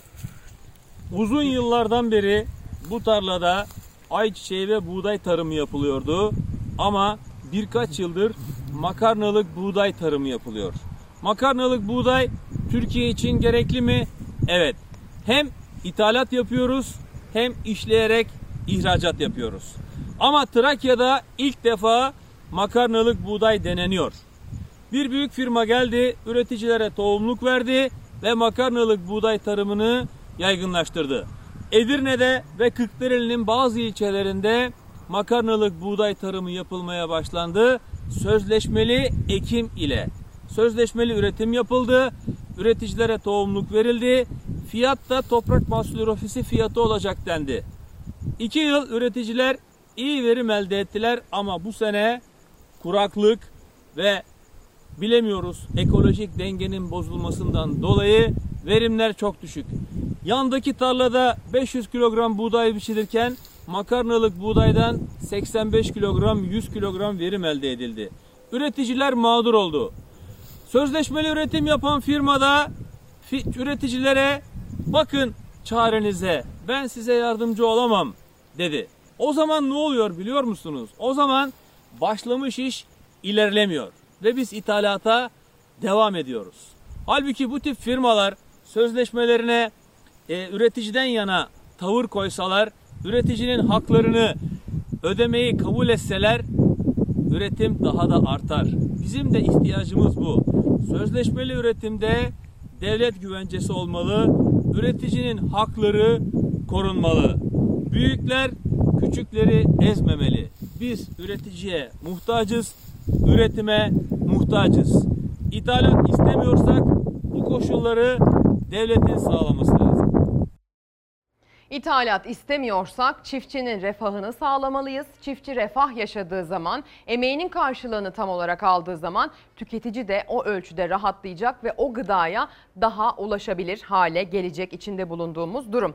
Pek çok konudan ve konu başlığından bahsettik. Bir diğer konu başlığımız aslında LGS olacak. Bu konuda özel bir konuğumuz olacak. E, veliler, öğrenciler, öğrencisi bu yıl sınava girmiş ya da önümüzdeki yıl sınava girecek olanlar bize Twitter ve Instagram üzerinden sorularınızı yazıp gönderebilirsiniz. Şimdi hatta bir mola verelim. Siz de o sırada sorularınızı toplarsınız belki. Sonrasında burada buluşalım. Gündem maddelerimizi aktarıp özel konuğumuza, özel konumuza devam edeceğiz.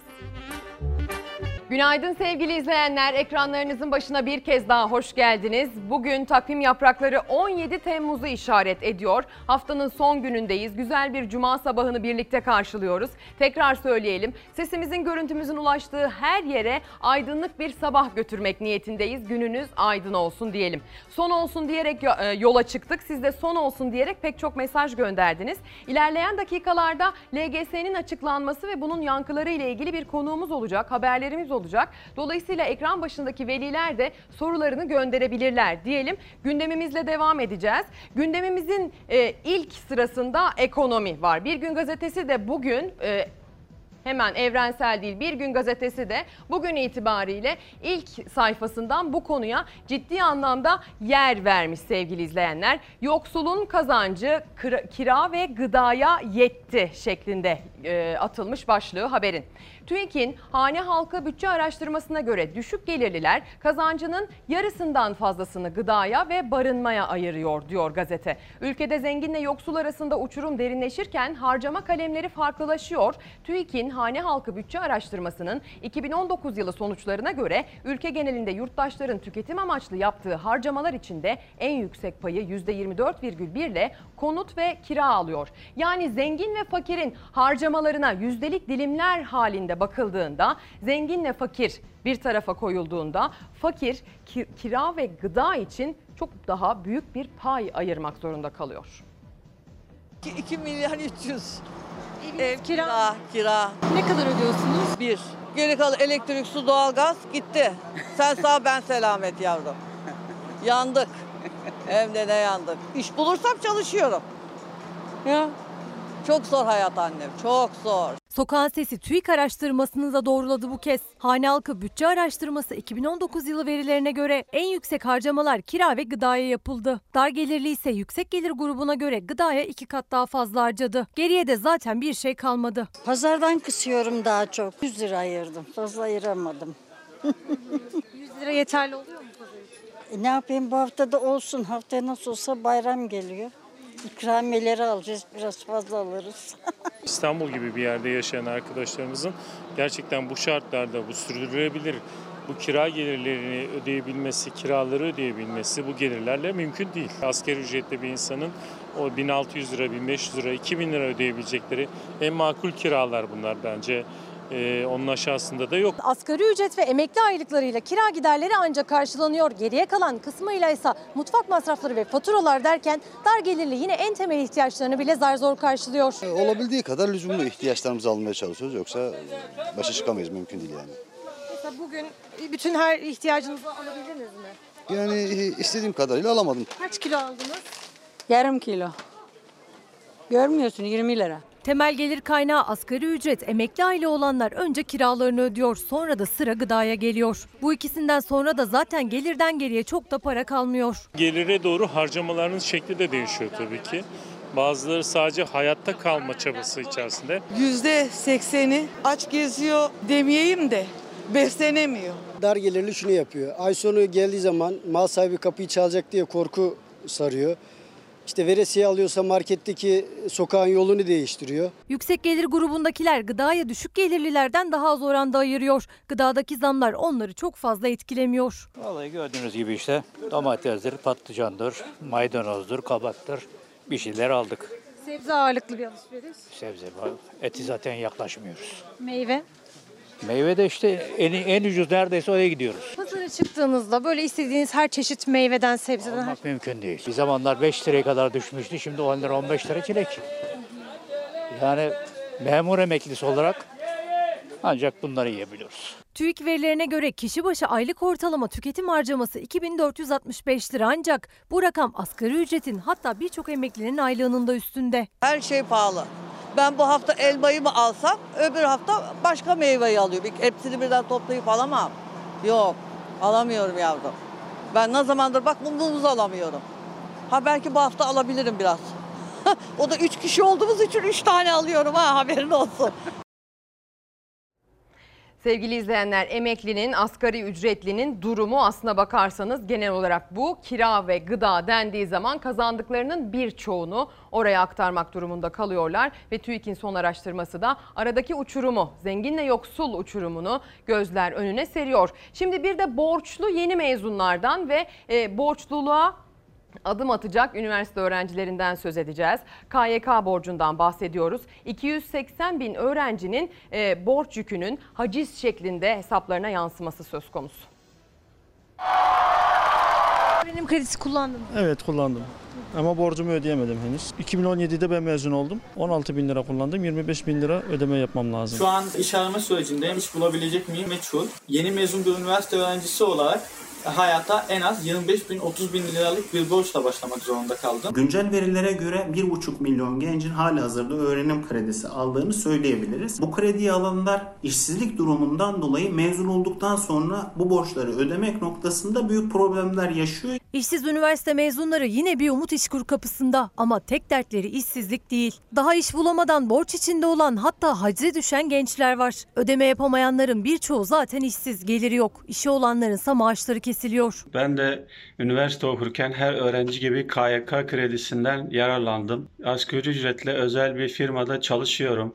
Bir senem dolduktan sonra maaşıma haciz geldi ve dörtte bir oranında kesinti yapılıyor. Bu da yaklaşık olarak 600 TL yapıyor. Mahmut Gültekin KYK borcunu ödeyemedi. Maaşına haciz geldi. Aldığı asgari ücretin her ay 600 lirası kesilince geri kalanı kiraya mı, çocuğuna mı, mutfağa mı harcayacağını şaşırıyor. Evliyim, bir çocuğum var ve evimde kira. Normal şartlarda asgari ücretle geçirmek çok zor iken üstüne bir de bu haciz olayının gelmesi iyice beni zor durumda bıraktı. Gültekin'in yaşadığı sıkıntıları yaşaması muhtemel 280 bin kişi var. Her an haciz gelebilir. Kiminin henüz işi bile yok ya da işsiz kaldılar gelirleri kesildi. Üniversiteden mezun olduktan sonra aylarca hatta yıllarca iş arayıp bulamayan gençler şimdi bir de KYK borçlarını nasıl ödeyeceklerini düşünüyor kara kara. Borçlarını ödeyemeyen binlerce genç ise haciz baskısı altında yaşıyor. 280 bin genç ise üniversite okurken aldığı öğrenim kredisini ödeyemediği için icra tehdidiyle karşı karşıya. Öğrenim kredisi borcunu ödeyemediği için erteleme talebinde bulunan gençlerin sayısı 2006'dan 2019'a %416 arttı. İş bulabilen üniversite mezunlarının büyük bölümü de asgari ücretle çalışıyor. Onlar kadar şanslı olamayanlarsa İşkur'dan gelecek iyi bir haber bekliyor. Yaklaşık 10,5 milyar. Geri ödemesiyle birlikte 12 falan olacak sanırım. Bizim sınıf 300 kişiydi. İşe girecek sayısı özelde 10'dur, 20'dir. Yani %80'i işsiz kalır. Ülkenin genel durumu. KYK borcu da uzun süredir tartışılan ve çok tartışılacak konulardan bir tanesi.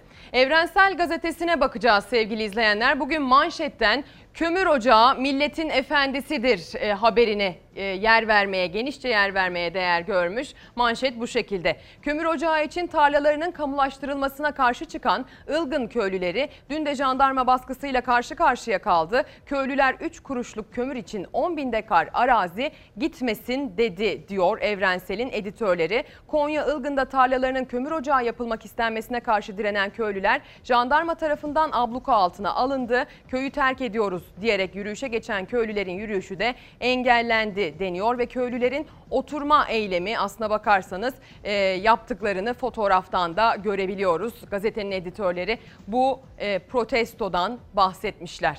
Şimdi biz de yine e, Konya'nın Ilgın ilçesine bağlı o köye gideceğiz sevgili izleyenler. Yaşananları kendi gözlerimizle göreceğiz.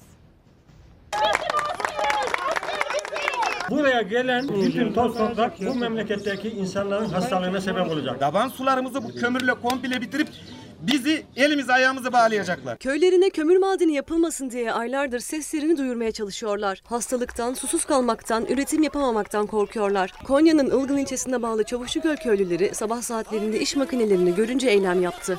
Ancak jandarma müdahalesiyle karşılaştılar. Ben bu memlekette Tarımla uğraştıkları topraklarında kömür madeni olmaması için aylardır isyan ediyorlar. Arazilerinin kamulaştırıldığını öğrendiklerinden bu yana savaşıyorlar. Önce devlet su işlerinin olumsuz raporu ardından salgın, madenden vazgeçildiğini düşündüler. Ancak olay düşündükleri gibi olmadı.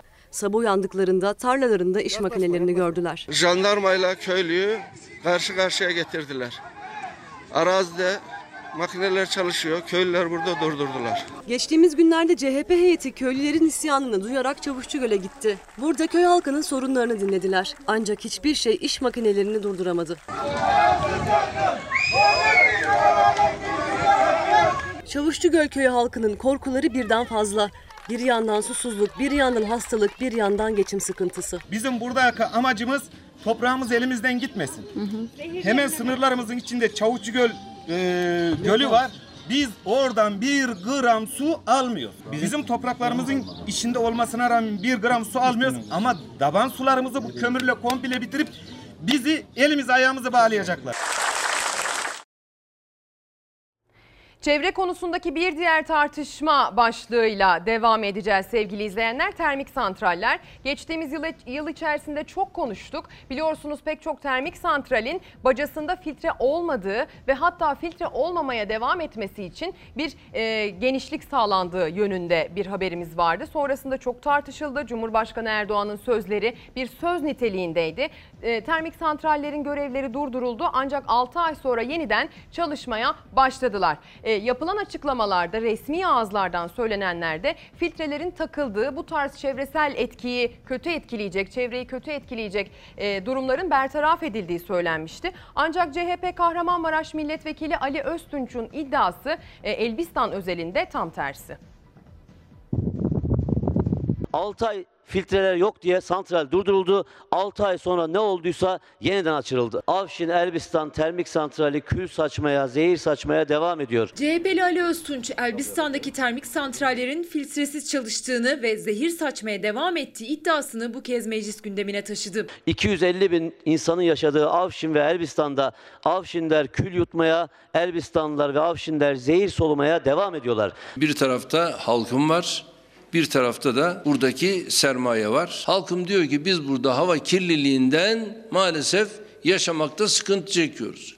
İş bitmiştir. Buradaki kararın vericisi birinci derecede halkımdır. Termik santrallere filtre takılmasını iki buçuk yıl erteleyen AK Parti'nin kanun teklifi Cumhur İttifakı'nın oylarıyla kabul edildi. Ancak gelen tepkilerden sonra Cumhurbaşkanı Erdoğan ilk kez veto etkisini kullandı ve yasayı veto etti. Filtre olmayan santraller kapatıldı. Onlardan biri de Kahramanmaraş Afşin Elbistan'daki termik santraliydi. Afşin A termik santralinde 4 ünitesinden ikisine bir yıl e, geçici çalışma ruhsatı verilmiştir. Bu üniteler ve bacalarda mevzuata uygun hale getirilmiştir. Çevre Bakanı Murat Kurum santral bacalarının mevzuata uygun hale getirildiğini ondan sonra çalışmaya başladığını açıklamıştı ama CHP Kahramanmaraş Milletvekili Ali Öztunç santralin filtre şartını yerine getirmeden faaliyet gösterdiğini iddia ediyor. Daha önce bunu söyledik. Burası Külbistan oldu dedik. Elbistan değil. Aynı zamanda Zehiristan da oldu. Burada yaşayan insanlara yazık değil mi? Maalesef AK Parti hükümeti bunlara kül yutturuyor. AK Parti hükümeti bunlara zehir solutuyor.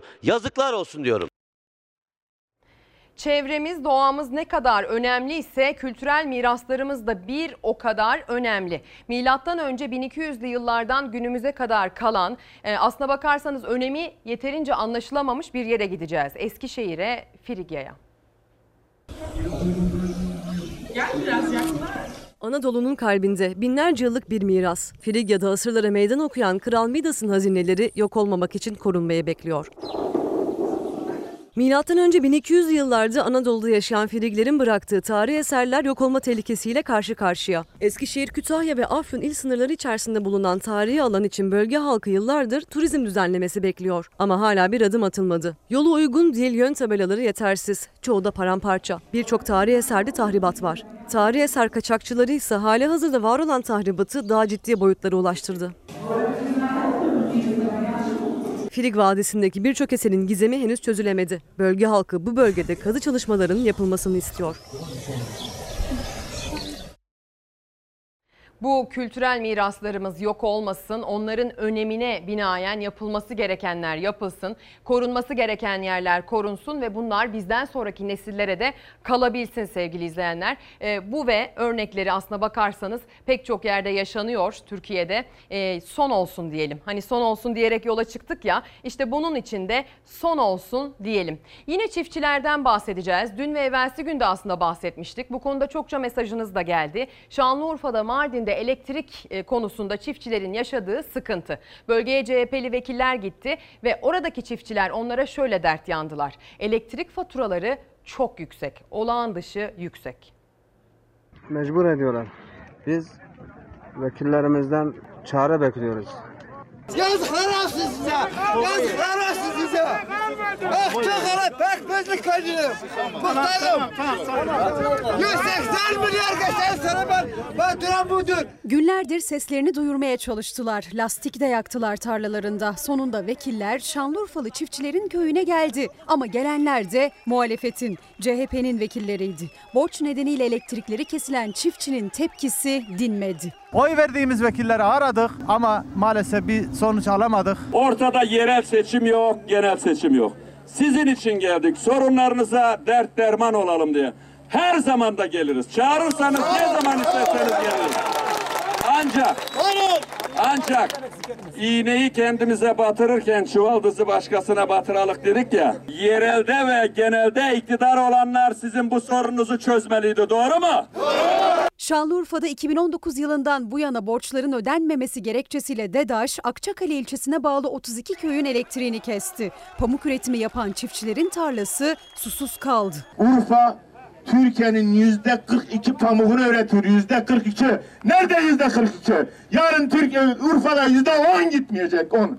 Onu yapanlar utansınlar. Yıllık gelirim 30 bin ama bana fatura 183 bin geliyor. Günlerdir eylemde Akçakaleliler. Ekim yapamadılar, dikkat çekmek için lastik de yaktılar. İki lastik yakmakla Şanlıurfalıları terörist diye ilan etmesi bu kabul edilemez ve ben buradan onları kırıyorum. Sonunda köylerine vekiller geldi. CHP'li Şanlıurfa, Adana, Osmaniye milletvekilleriyle Genel Başkan Yardımcısı Orhan Sarıbalı onlarca çiftçi karşılarında görünce sesler bir kez daha yükseldi. Üretim yapmamız gereken bir dönemde Mardin'den başlamak üzere elektrikler kesilmeye başlandı. Mahkeme kararları var, mahkeme kararları. Çiftçinin elektriğini kesemezsiniz diyor. Uygulayan var mı? Yok.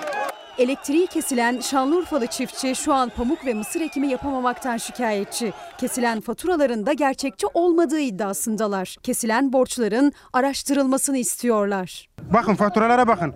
Ee, ne kilowatt var, ee, ne bir şey var, ne bilgisayardan çıkma bir şey var.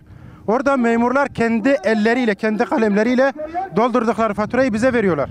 Bir özel şirket için kendi milletini, kendi çiftçine dövdüremezsiniz. Sevgili izleyenler konuyla ilgili yapılmış bir basın açıklaması var. Onu da hemen aktaralım. Yıllardır birikerek 1,34 milyar liraya ulaşan elektrik borcu hizmeti sürdürülemez hale geldi diyor elektrik şirketi. Çiftçilerin elektrik faturalarının yarısına yakını devletimiz tarafından karşılanmakta. Serbest piyasa şartlarında kamu yararı gözeterek faaliyet gösteriyoruz açıklaması da ilgili elektrik firmasından geldi. Çiftçilerin bir diğer sorunu yurdun pek çok noktasında değişen iklim koşulları yüzünden kuraklık aslında. Çokça kuraklık yüzünden sıkıntı yaşanıyor. E, bu sıkıntının yaşandığı köylerden de mesaj geliyor. Yalçın Bey mesaj göndermiş. Pınarlı, Derebaşı, Doyranlı susuzluğu son olsun diye mesaj gönderiyor. Evet e, Trenin, Ödemiş'in köylerinde ciddi anlamda bir susuzluk sorunu var. Bununla ilgili de çözüm bekliyorlar köylüler, çiftçiler. Bunun da yeri gelmişken haberini vermiş olalım. Çokça mesaj var. E, hak ettiği kadroyu alamadığını söyleyen izleyiciler izleyicilerimiz var. Gökçe Kahvecioğlu bu sene hak ettiğimiz kadar kadro alamadık ne olur sesimizi duyurun demiş. Pandemi döneminde değilse ne zaman atanacak sağlıkçılar? KPSS'den önce Türkiye geneli atama bekliyoruz sesimizi duyurun demiş. Tabii ki duyururuz. Pek çok mesaj geliyor. Özellikle sağlıkçılardan gelen mesajları biraz daha öncelikli tutuyoruz. Son dönemde onlara çok muhtacız, çok da minnettarız. Büyük bir fedakarlıkla çalışıyorlar. Fox'un çok izlenen programı Yaparsın Aşkım'ı biliyorsunuz. E, Yaparsın Aşkım'da e, sağlıkçılar ağırlandı. Yaparsın aşkım yaz ekranına, yaz sezonuna hoş geldiniz derken bugünkü yarışmacılarımı sizlerle tanıştırmak benim için bir gurur. Bravo!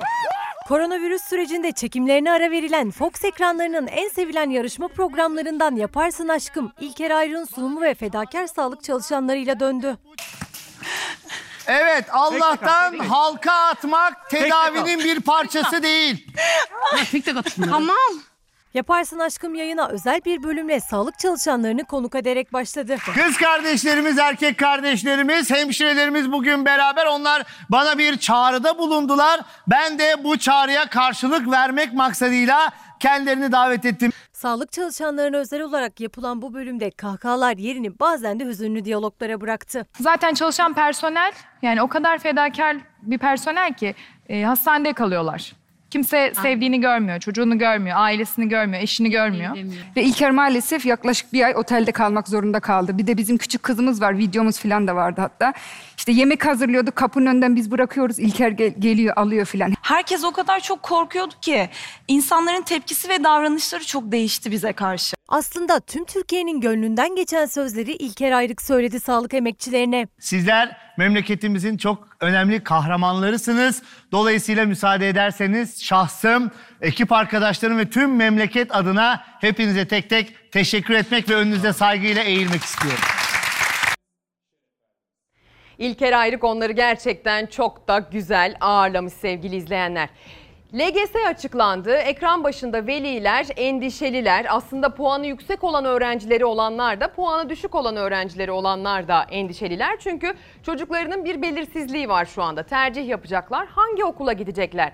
Tercihi nasıl yapacaklar? Nereden ulaşacaklar tercih kılavuzuna? Bunun gibi soruları olan izleyicilerimiz için aslında e, sizin için haberler hazırladık. Bir de konuğumuz olacak ilerleyen dakikalarda diyelim. Tabii ki gazeteler de bu konuyu bugün ilk sayfadan geniş geniş yer vererek ele almışlar. Örneğin Evrensel Gazetesi, Evrensel Gazetesi sürmanşetten LGS eşitsizlikleri gözler önüne serdi demiş. Tam puan alanların sayısı düştü diyor gazetenin editörleri. Milli Eğitim Bakanı liselere geçiş sınavı sonuçlarını değerlendirme raporunu açıkladı. Geçtiğimiz yıl tam puan alan öğrenci sayısı 565'ten 181'e düştü. Kız öğrenciler matematik dışında daha başarılı olurken Türkçe'de doğru cevap ortalaması 10, matematikte ise 4,89'da kaldı.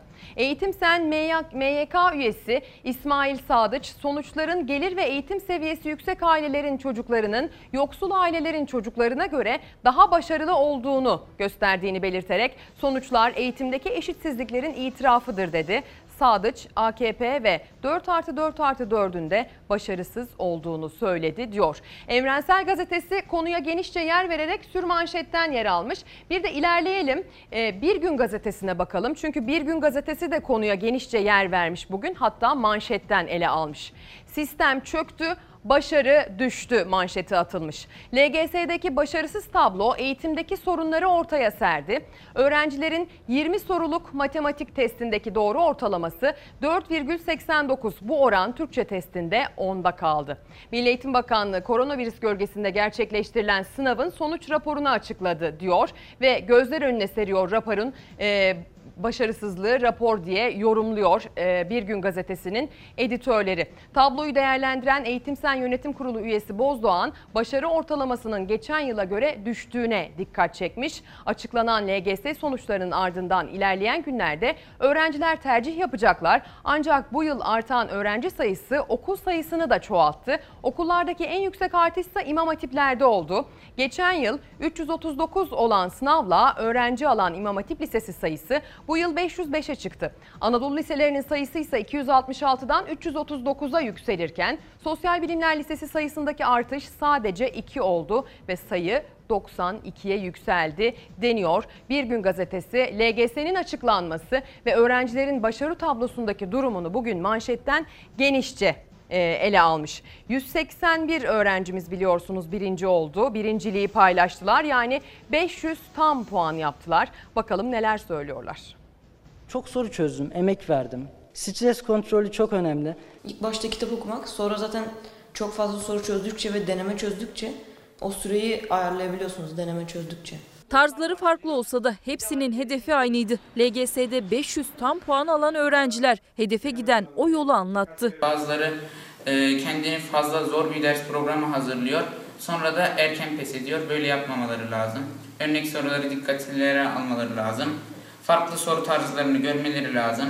Okulun son ve en kritik ayları pandemi dönemine denk geldi. Soluksuz sınava hazırlanan binlerce öğrenci eve kapandı. Bir yanda koronavirüs, diğer yanda sınav stresi. Çalışmakta, konsantre olmakta kolay olmadı derslere. Son iki ayı iyi geçiren, e, biraz daha e, işte vitesi ileri alan öğrenciler daha da böyle başarılı olur diyorlar. Ve bu süreç, o son iki ay pandemi süreci bizim için çok zorluydu. Okul kadar olmasa bile yani canlı derslerimizle, EBA'yla, e, öğretmenlerimin bana yolladığı işte çalışmalarla ve e, derslerle canlı derslerle ben okuldaki eksiklerimi telafi ettim. LGS'ye bu yıl 1 milyon 600 bine yakın öğrenci girdi. 42 farklı ilden 181 öğrenci tüm soruları doğru yanıtlayarak 500 tam puan aldı. Sınava geçen yazın hazırlanmaya başlamıştım. Günlük 100 soru gibi bir idealim vardı. Ali Fuat Erkan Kırklareli'ne, Onur Alperen Yılmaz Antalya'ya, İrem Dönmez Kırşehir'e, Yasin Yazıcı Çorum'a, Yiğit Emre Yıldırım Sivas'a, Efe Topaloğlu Edirne'ye. Ve onlar gibi tam puan alan 75 öğrenci daha sevenlerine ve memleketlerine gururu yaşattı. Mutluyum, gururluyum. Çalışmalarım sonuç sonucunu verdi. Cevap kağıdı kaybolan Pınar Akbaş ise sonuçların açıklanmasıyla bir kez daha yıkıldı. Sınav sonuç kağıdında sınavı iptal edildi yazıyordu. Hayalleri nedeni bilinmeden kaybolan cevap kağıdı yüzünden yarım kaldı. Sınavım iptal edilmiş. Hiçbir şey yok şu an. Bir tane Baktınız opti evet, bir tane optimiz yok diyorlardı. Şimdi hiçbir şey yok. Tüm derslerin İptal edildi. Herkes şu anda mutlu. Biz de çok üzgünüz. Kızım da çok üzgün. 10 puan da alsa, 100 puan da alsa bir sonucunu görmeyi çok isterdik. Şu anda hiçbir şey göremiyoruz. Posta gazetesine baktığımızda da eğitimle ilgili bir başka haberin manşetten kendine yer bulduğunu görüyoruz. Öğretmen kampı demiş Posta bugün. İzmir Buca'daki bir okulun velileri çocukların istedikleri öğretmenin sınıfta okumasını sağlamak için yiyecek ve içeceklerini alıp geceden kuyruğa girdi. Okulun önünü kamp yerine çeviren veliler istediğimiz öğretmenin sınıfındaki kontenjan dolmadan kayıt yaptırmak için bekliyoruz dediler. Buca'da Vali Rahmi Bey İlkokulu'na kayıt yaptırırken velilere öğretmen seçimi yapabilecekleri söyleniyor.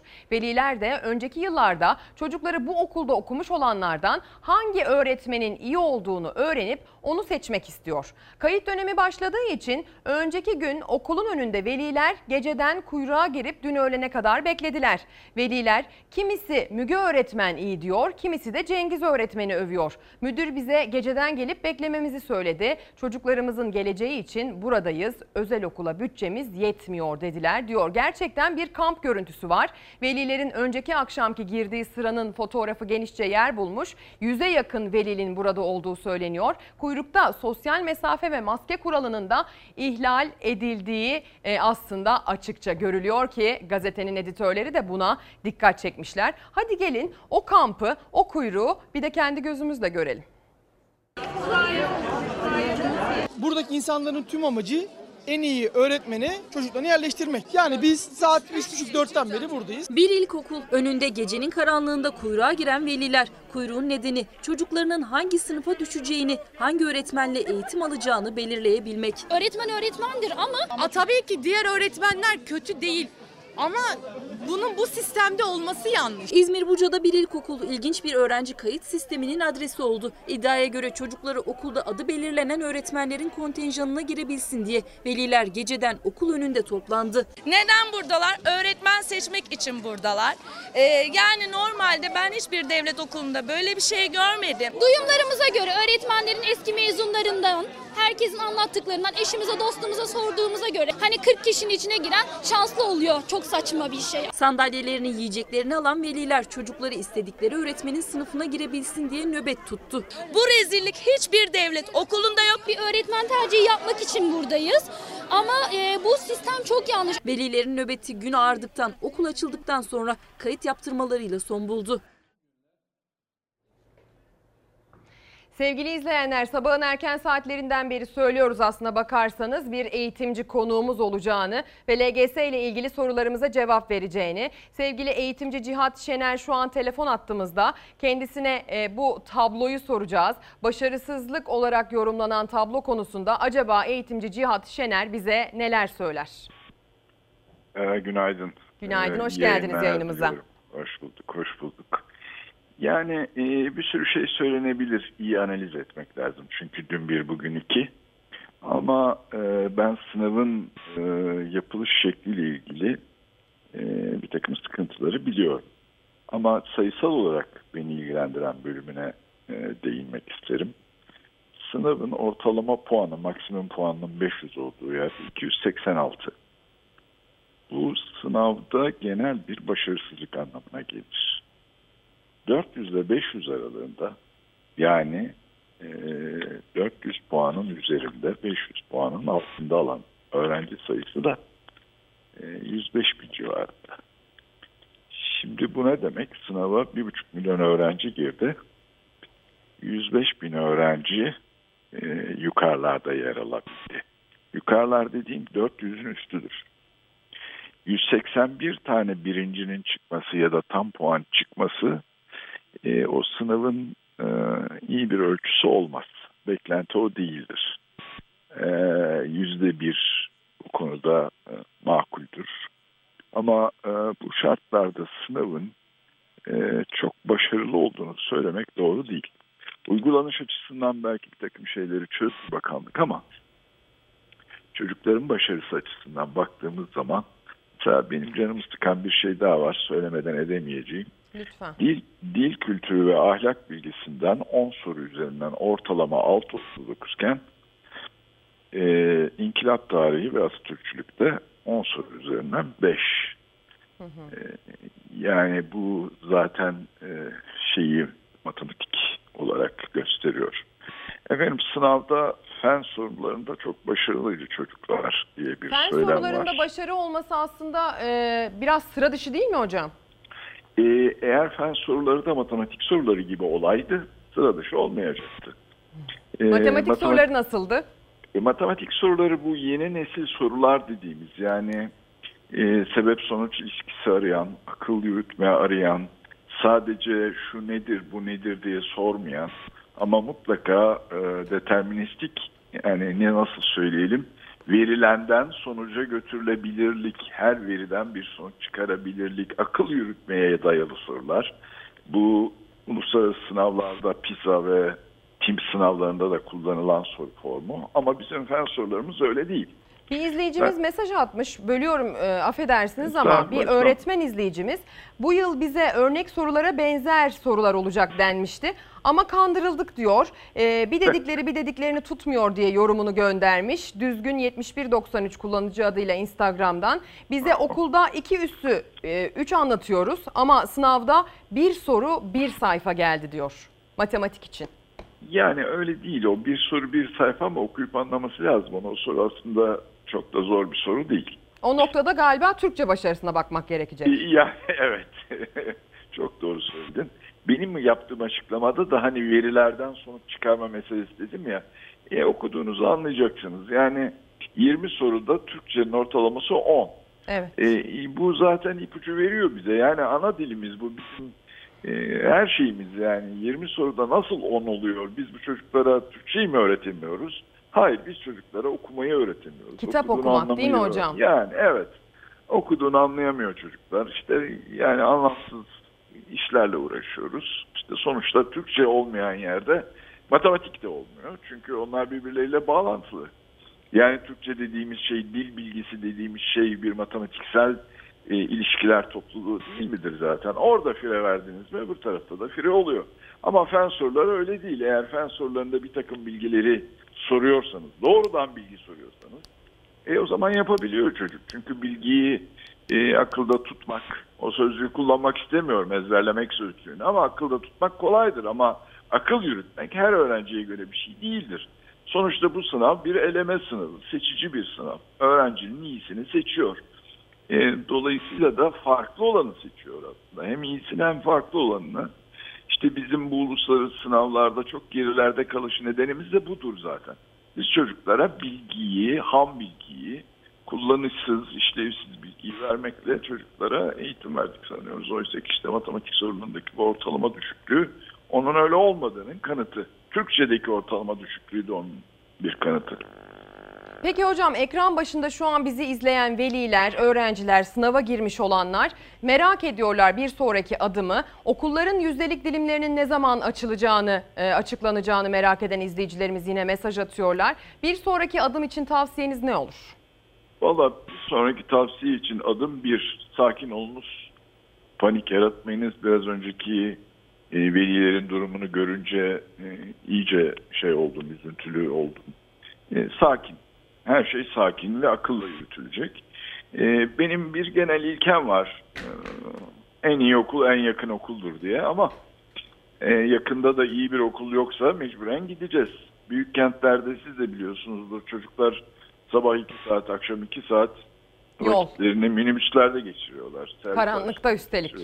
Karanlıkta ve uyuyarak. Evet. Yani bu bir eğitim olamaz. Bir eğitim yöntemi, eğitim aracı olamaz yani. Bunu yaşatmamak lazım çocuklara. Okuldan da soğutuyoruz. Eğitimden de soğutuyoruz. Eziyet bu.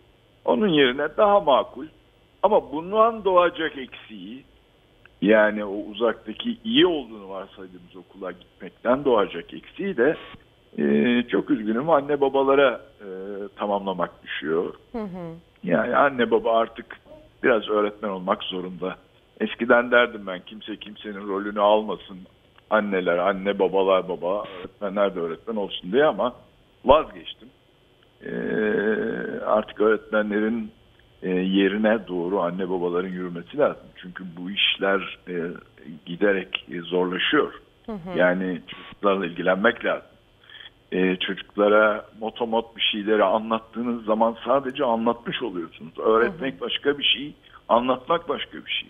Hocam bir de cinsiyet Ha. farkı da ortaya çıktı. Ondan da biraz bahsedelim isterim. Pek çok gazete LGS'nin açıklanmış olması ile ilgili durumları ekrana taşırken, sayfalarına taşırken e, bu cinsiyet arasındaki yani erkek ve kız öğrenciler arasındaki farkı da ele aldı. Gazeteleri beraber okuyalım, verileri beraber yorumlayalım istiyorum. Öncesinde Buyurun. bir izleyicilerimize aktarayım. Karar Gazetesi bugün ilk sayfadan görmüş. Kızlar fark attı, fende başarı arttı deniyor başlığında haberin.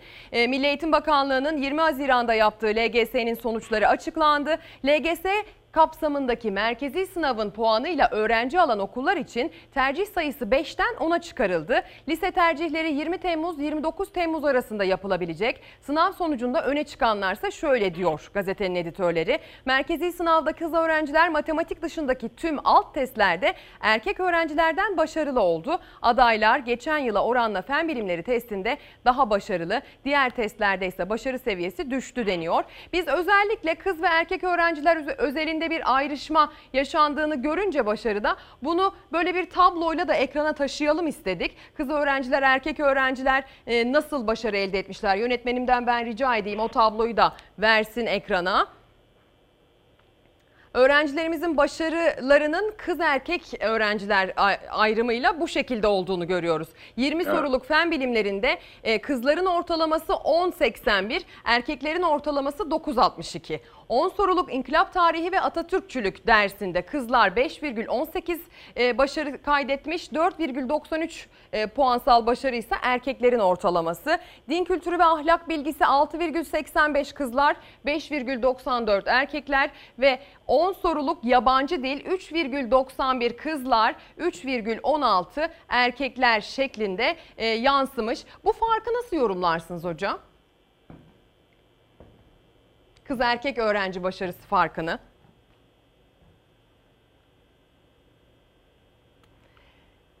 Eğitimci yazar Cihat Şener şu an galiba bize ulaşmakta bir sıkıntı yaşıyor. Kendisine ulaştığımız zaman sorularımızın cevabını da alacağız. Tekrar söyleyelim sevgili izleyenler. LGS açıklandı. Ee, tercih kılavuzu açıklandı. Ee, Öğrenciler, veliler bunu heyecanla bekliyorlardı. Bu sınav da aslına bakarsanız pek çok tartışmanın ve yaşamsal riskin gölgesinde yapıldı. Çünkü bir pandemi süreci içerisindeyiz. Önümüzdeki dönemde 20 Temmuz 29 Temmuz tarihleri arasında e, ne olacak? Tercihler yapılabilecek. Pandemi sürecine özel olarak e, bu yıl 5'ten 10'a çıkarıldı tercih sayısı öğrencilerin. Bunun e, öğrencilere ve velilere bir nebze nefes aldıracağı tahmin ediliyor. İlerleyen günlerde bunun yansımalarını biz yine takip ediyor olacağız. Az evvel Karar Gazetesi'nden bir detay okumuştum. Bir gün gazetesi aslına bakarsanız tabloyu başarısız olarak e, yorumlamış ve Bir Gün Gazetesi'nin e, evet Bir Gün Gazetesi'ni getirsin arkadaşlarım genişçe bir yer vermiş. Konuyu e, ele almış, manşetten değerlendirmiş Bir Gün Gazetesi'nin editörleri. Sistem çöktü, başarı düştü manşeti atılmış habere. Öğrencilerin 20 soruluk matematik testindeki doğru ortalaması 4,89. Bu oran Türkçe testinde ise 10'da kaldı diyor Bir Gün Gazetesi. Milli Eğitim Bakanlığı koronavirüs gölgesinde gerçekleştirilen sınavın sonuç raporunu açıkladı. LGS'deki başarısız tabloyu gözler önüne serdi. Öğrencilerin 20 soruluk Türkçe, matematik ve fen bilimleri testlerindeki doğru yanıt ortalaması onun üzerine çıkamadı diyor. Öğrencilerin en başarısız olduğu test 20 soruda ortalama 4,89 doğru yanıtın verildiği matematik olurken Türkçe testinin doğru cevap sayısı ortalaması 10, fen bilimleri testinin doğru cevap sayısı ortalaması ise 10,21 olarak gerçekleşti deniyor. Tabloyu değerlendiren Eğitim Sen Yönetim Kurulu üyesi Bozdoğan başarı ortalamasının geçen yıla göre düştüğüne dikkat çekti. Öğrencilerin puan ortalamasının da 2019'a göre %11 gerilediğini aktardı Bozdoğan. Bunun uzaktan eğitim ve pandemiyle alakalı olduğunu söyledi. Merkezi sınavın olağan koşullar için e, geliştirildiğini ancak bu aracın olağan dışı koşullarda kullanılmasının sakıncalı olduğunu söyledi diyor. Aslında olağan dışı koşullar altındayız çünkü bir pandemi sürecindeyiz.